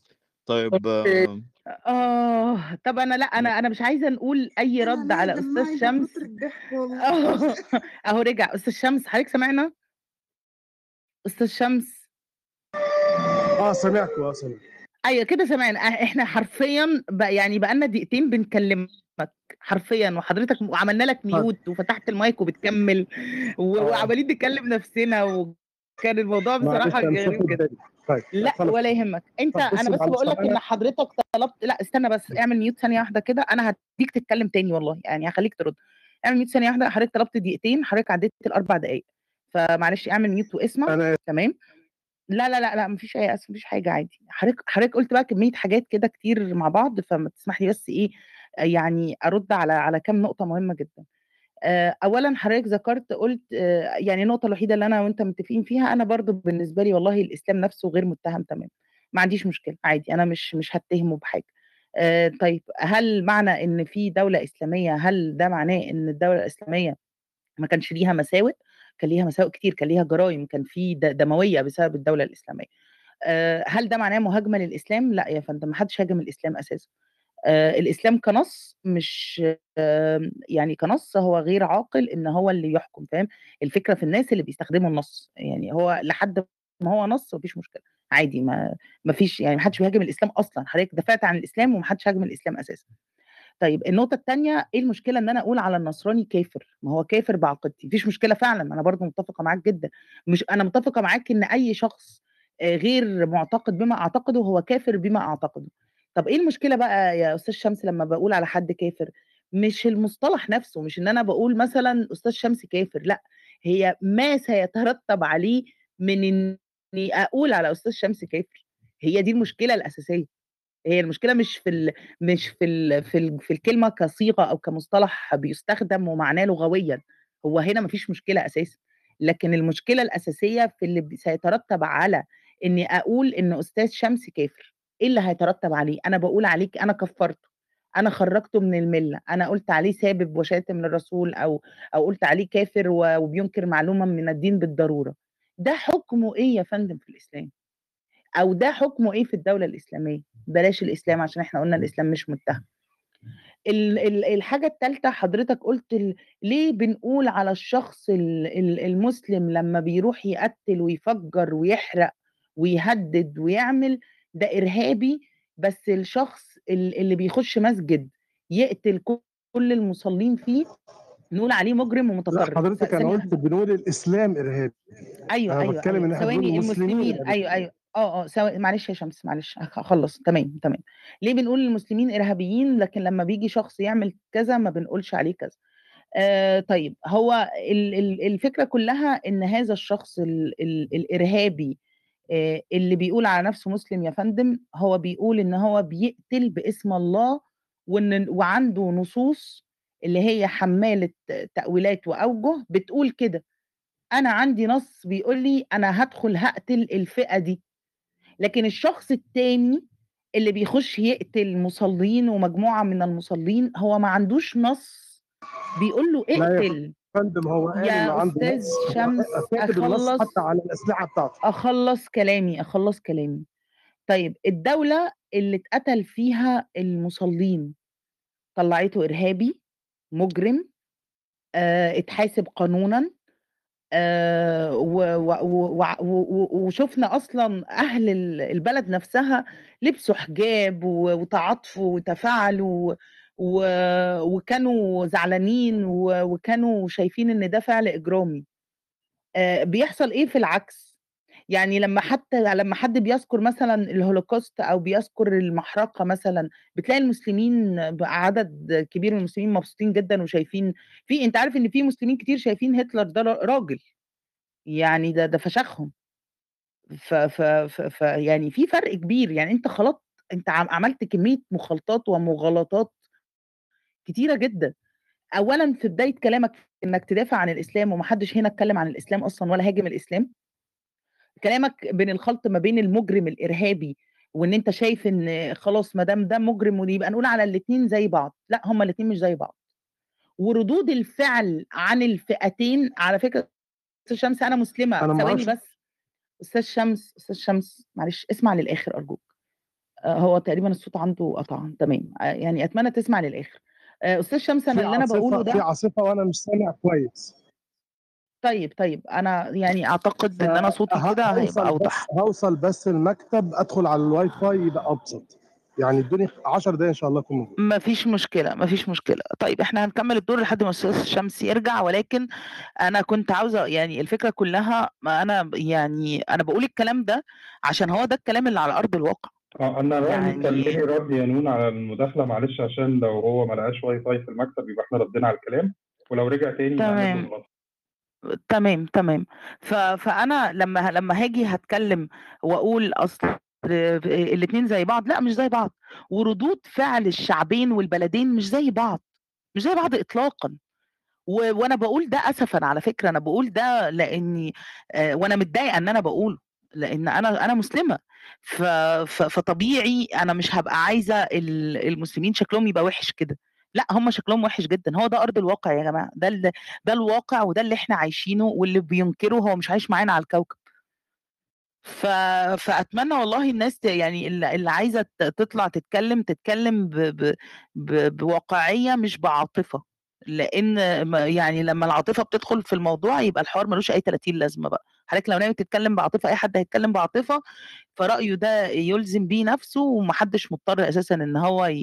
يرد عليه يقول لنا يا جماعة أنا هتكلم بعاطفة فإحنا مش هنرد بقى فكرة بفكرة هنقعد بقى نعلي على بعض في العاطفة لا مش هنخلص وبعدين أنا أنا دايما يعني لو لاحظتوا حتى على ال social media لما حد بيموت بنقول الله يرحمه آه بن بندعي له لكن أول ما تلاقي كربلائيات ولطميات وبكائيات بعرف إن إن اللي مات ده إخوان أو حد من الإسلاميين. ف... فبصراحة أستاذ شمس أتمنى ترجع والله يعني لما يرجع آه، يعني أتمنى أسمع رده لأن الكلام اللي قاله كان غريب جدا بصراحة. آه، أستاذ بوزي... أستاذ عمر حضرتك الدور هيجي لك أستاذ عمر زعزع الدور هيجي لك حالا والله. بس عشان إحنا ماشيين بالدور سامحني. أستاذ Positive Vibes اتفضل. أيوه آه، طيب آه،. صباح الخير أو مساء الخير حسب كل في يعني. آه، أنا طبعا آه، أتمنى برضو أنا عندي رجاء آه، أتمنى إن ما تقطعوش عليا أو لو حتى قطعتوا عليا تخلوني أرجع أرد مرة ثانية لأنه العدد ما شاء الله كله اتجاه واحد ويعني يعني باصوات مختلفة لكن هو رأي واحد ويمكن أنا والأخ شمس اللي هنكون بس مغيرين لكم في الرأي أو معارضين لكم في الرأي. فارجو تسمحوا لي وتتيحوا لي الفرصة. حضرتك محتاج كام دقيقة عشان تقول طرحك من غير ما حد يقطعك يا أستاذ بوزيتيف؟ والله حضرتك حسب الردود يعني ده شوفي أنا هقول لحضرتك حاجة. في لا آه، في حضرتك طبيب هتقول طرحك كامل و... وإحنا هنرد وبعد كده هيبقى ليك تعقيب. فحضرتك تقول طيب بكام تمام. هو دقيقة تقول طرحك؟ آه، هو ممكن يوصل الأمر من أربع لخمس دقائق كطرح كمسج اولانيه لكن أنا عايز برضه اول حاجة إنه يعني ال- ال- أربع في في دقايق أعتقد أربع دقايق كويس فحضرتك تقدر تبدأ. طيب اتمنى إن أقدر أوفي في أربع دقائق. طبعا أول حاجة آه، آه، إنه يعني الدولة الإسلامية أو كلمة دولة إسلامية نحط دولة جنبها كلمة إسلامية أعتقد إن فيها يعني آه، فيها نوع من التصنع. لأنه أنا عندي دولة يعني ناس قاعدين على في أرض محددة لها حدود واحدة ومتفقين بينهم يعني بسط عقود اجتماعية ونبع من ثقافتهم نبع من عاداتهم وتقاليدهم نبع من معتقداتهم المشتركة. وفي في النهاية بيتفقوا على آه، نظام آه، يعني فض النزاعات والاحتكام لما المشاكل تحصل ما بينهم سواء داخليا أو حتى لما تحصل بينهم نزاعات كمجموعة واحد مجموعة خارجية في دولة ثانية.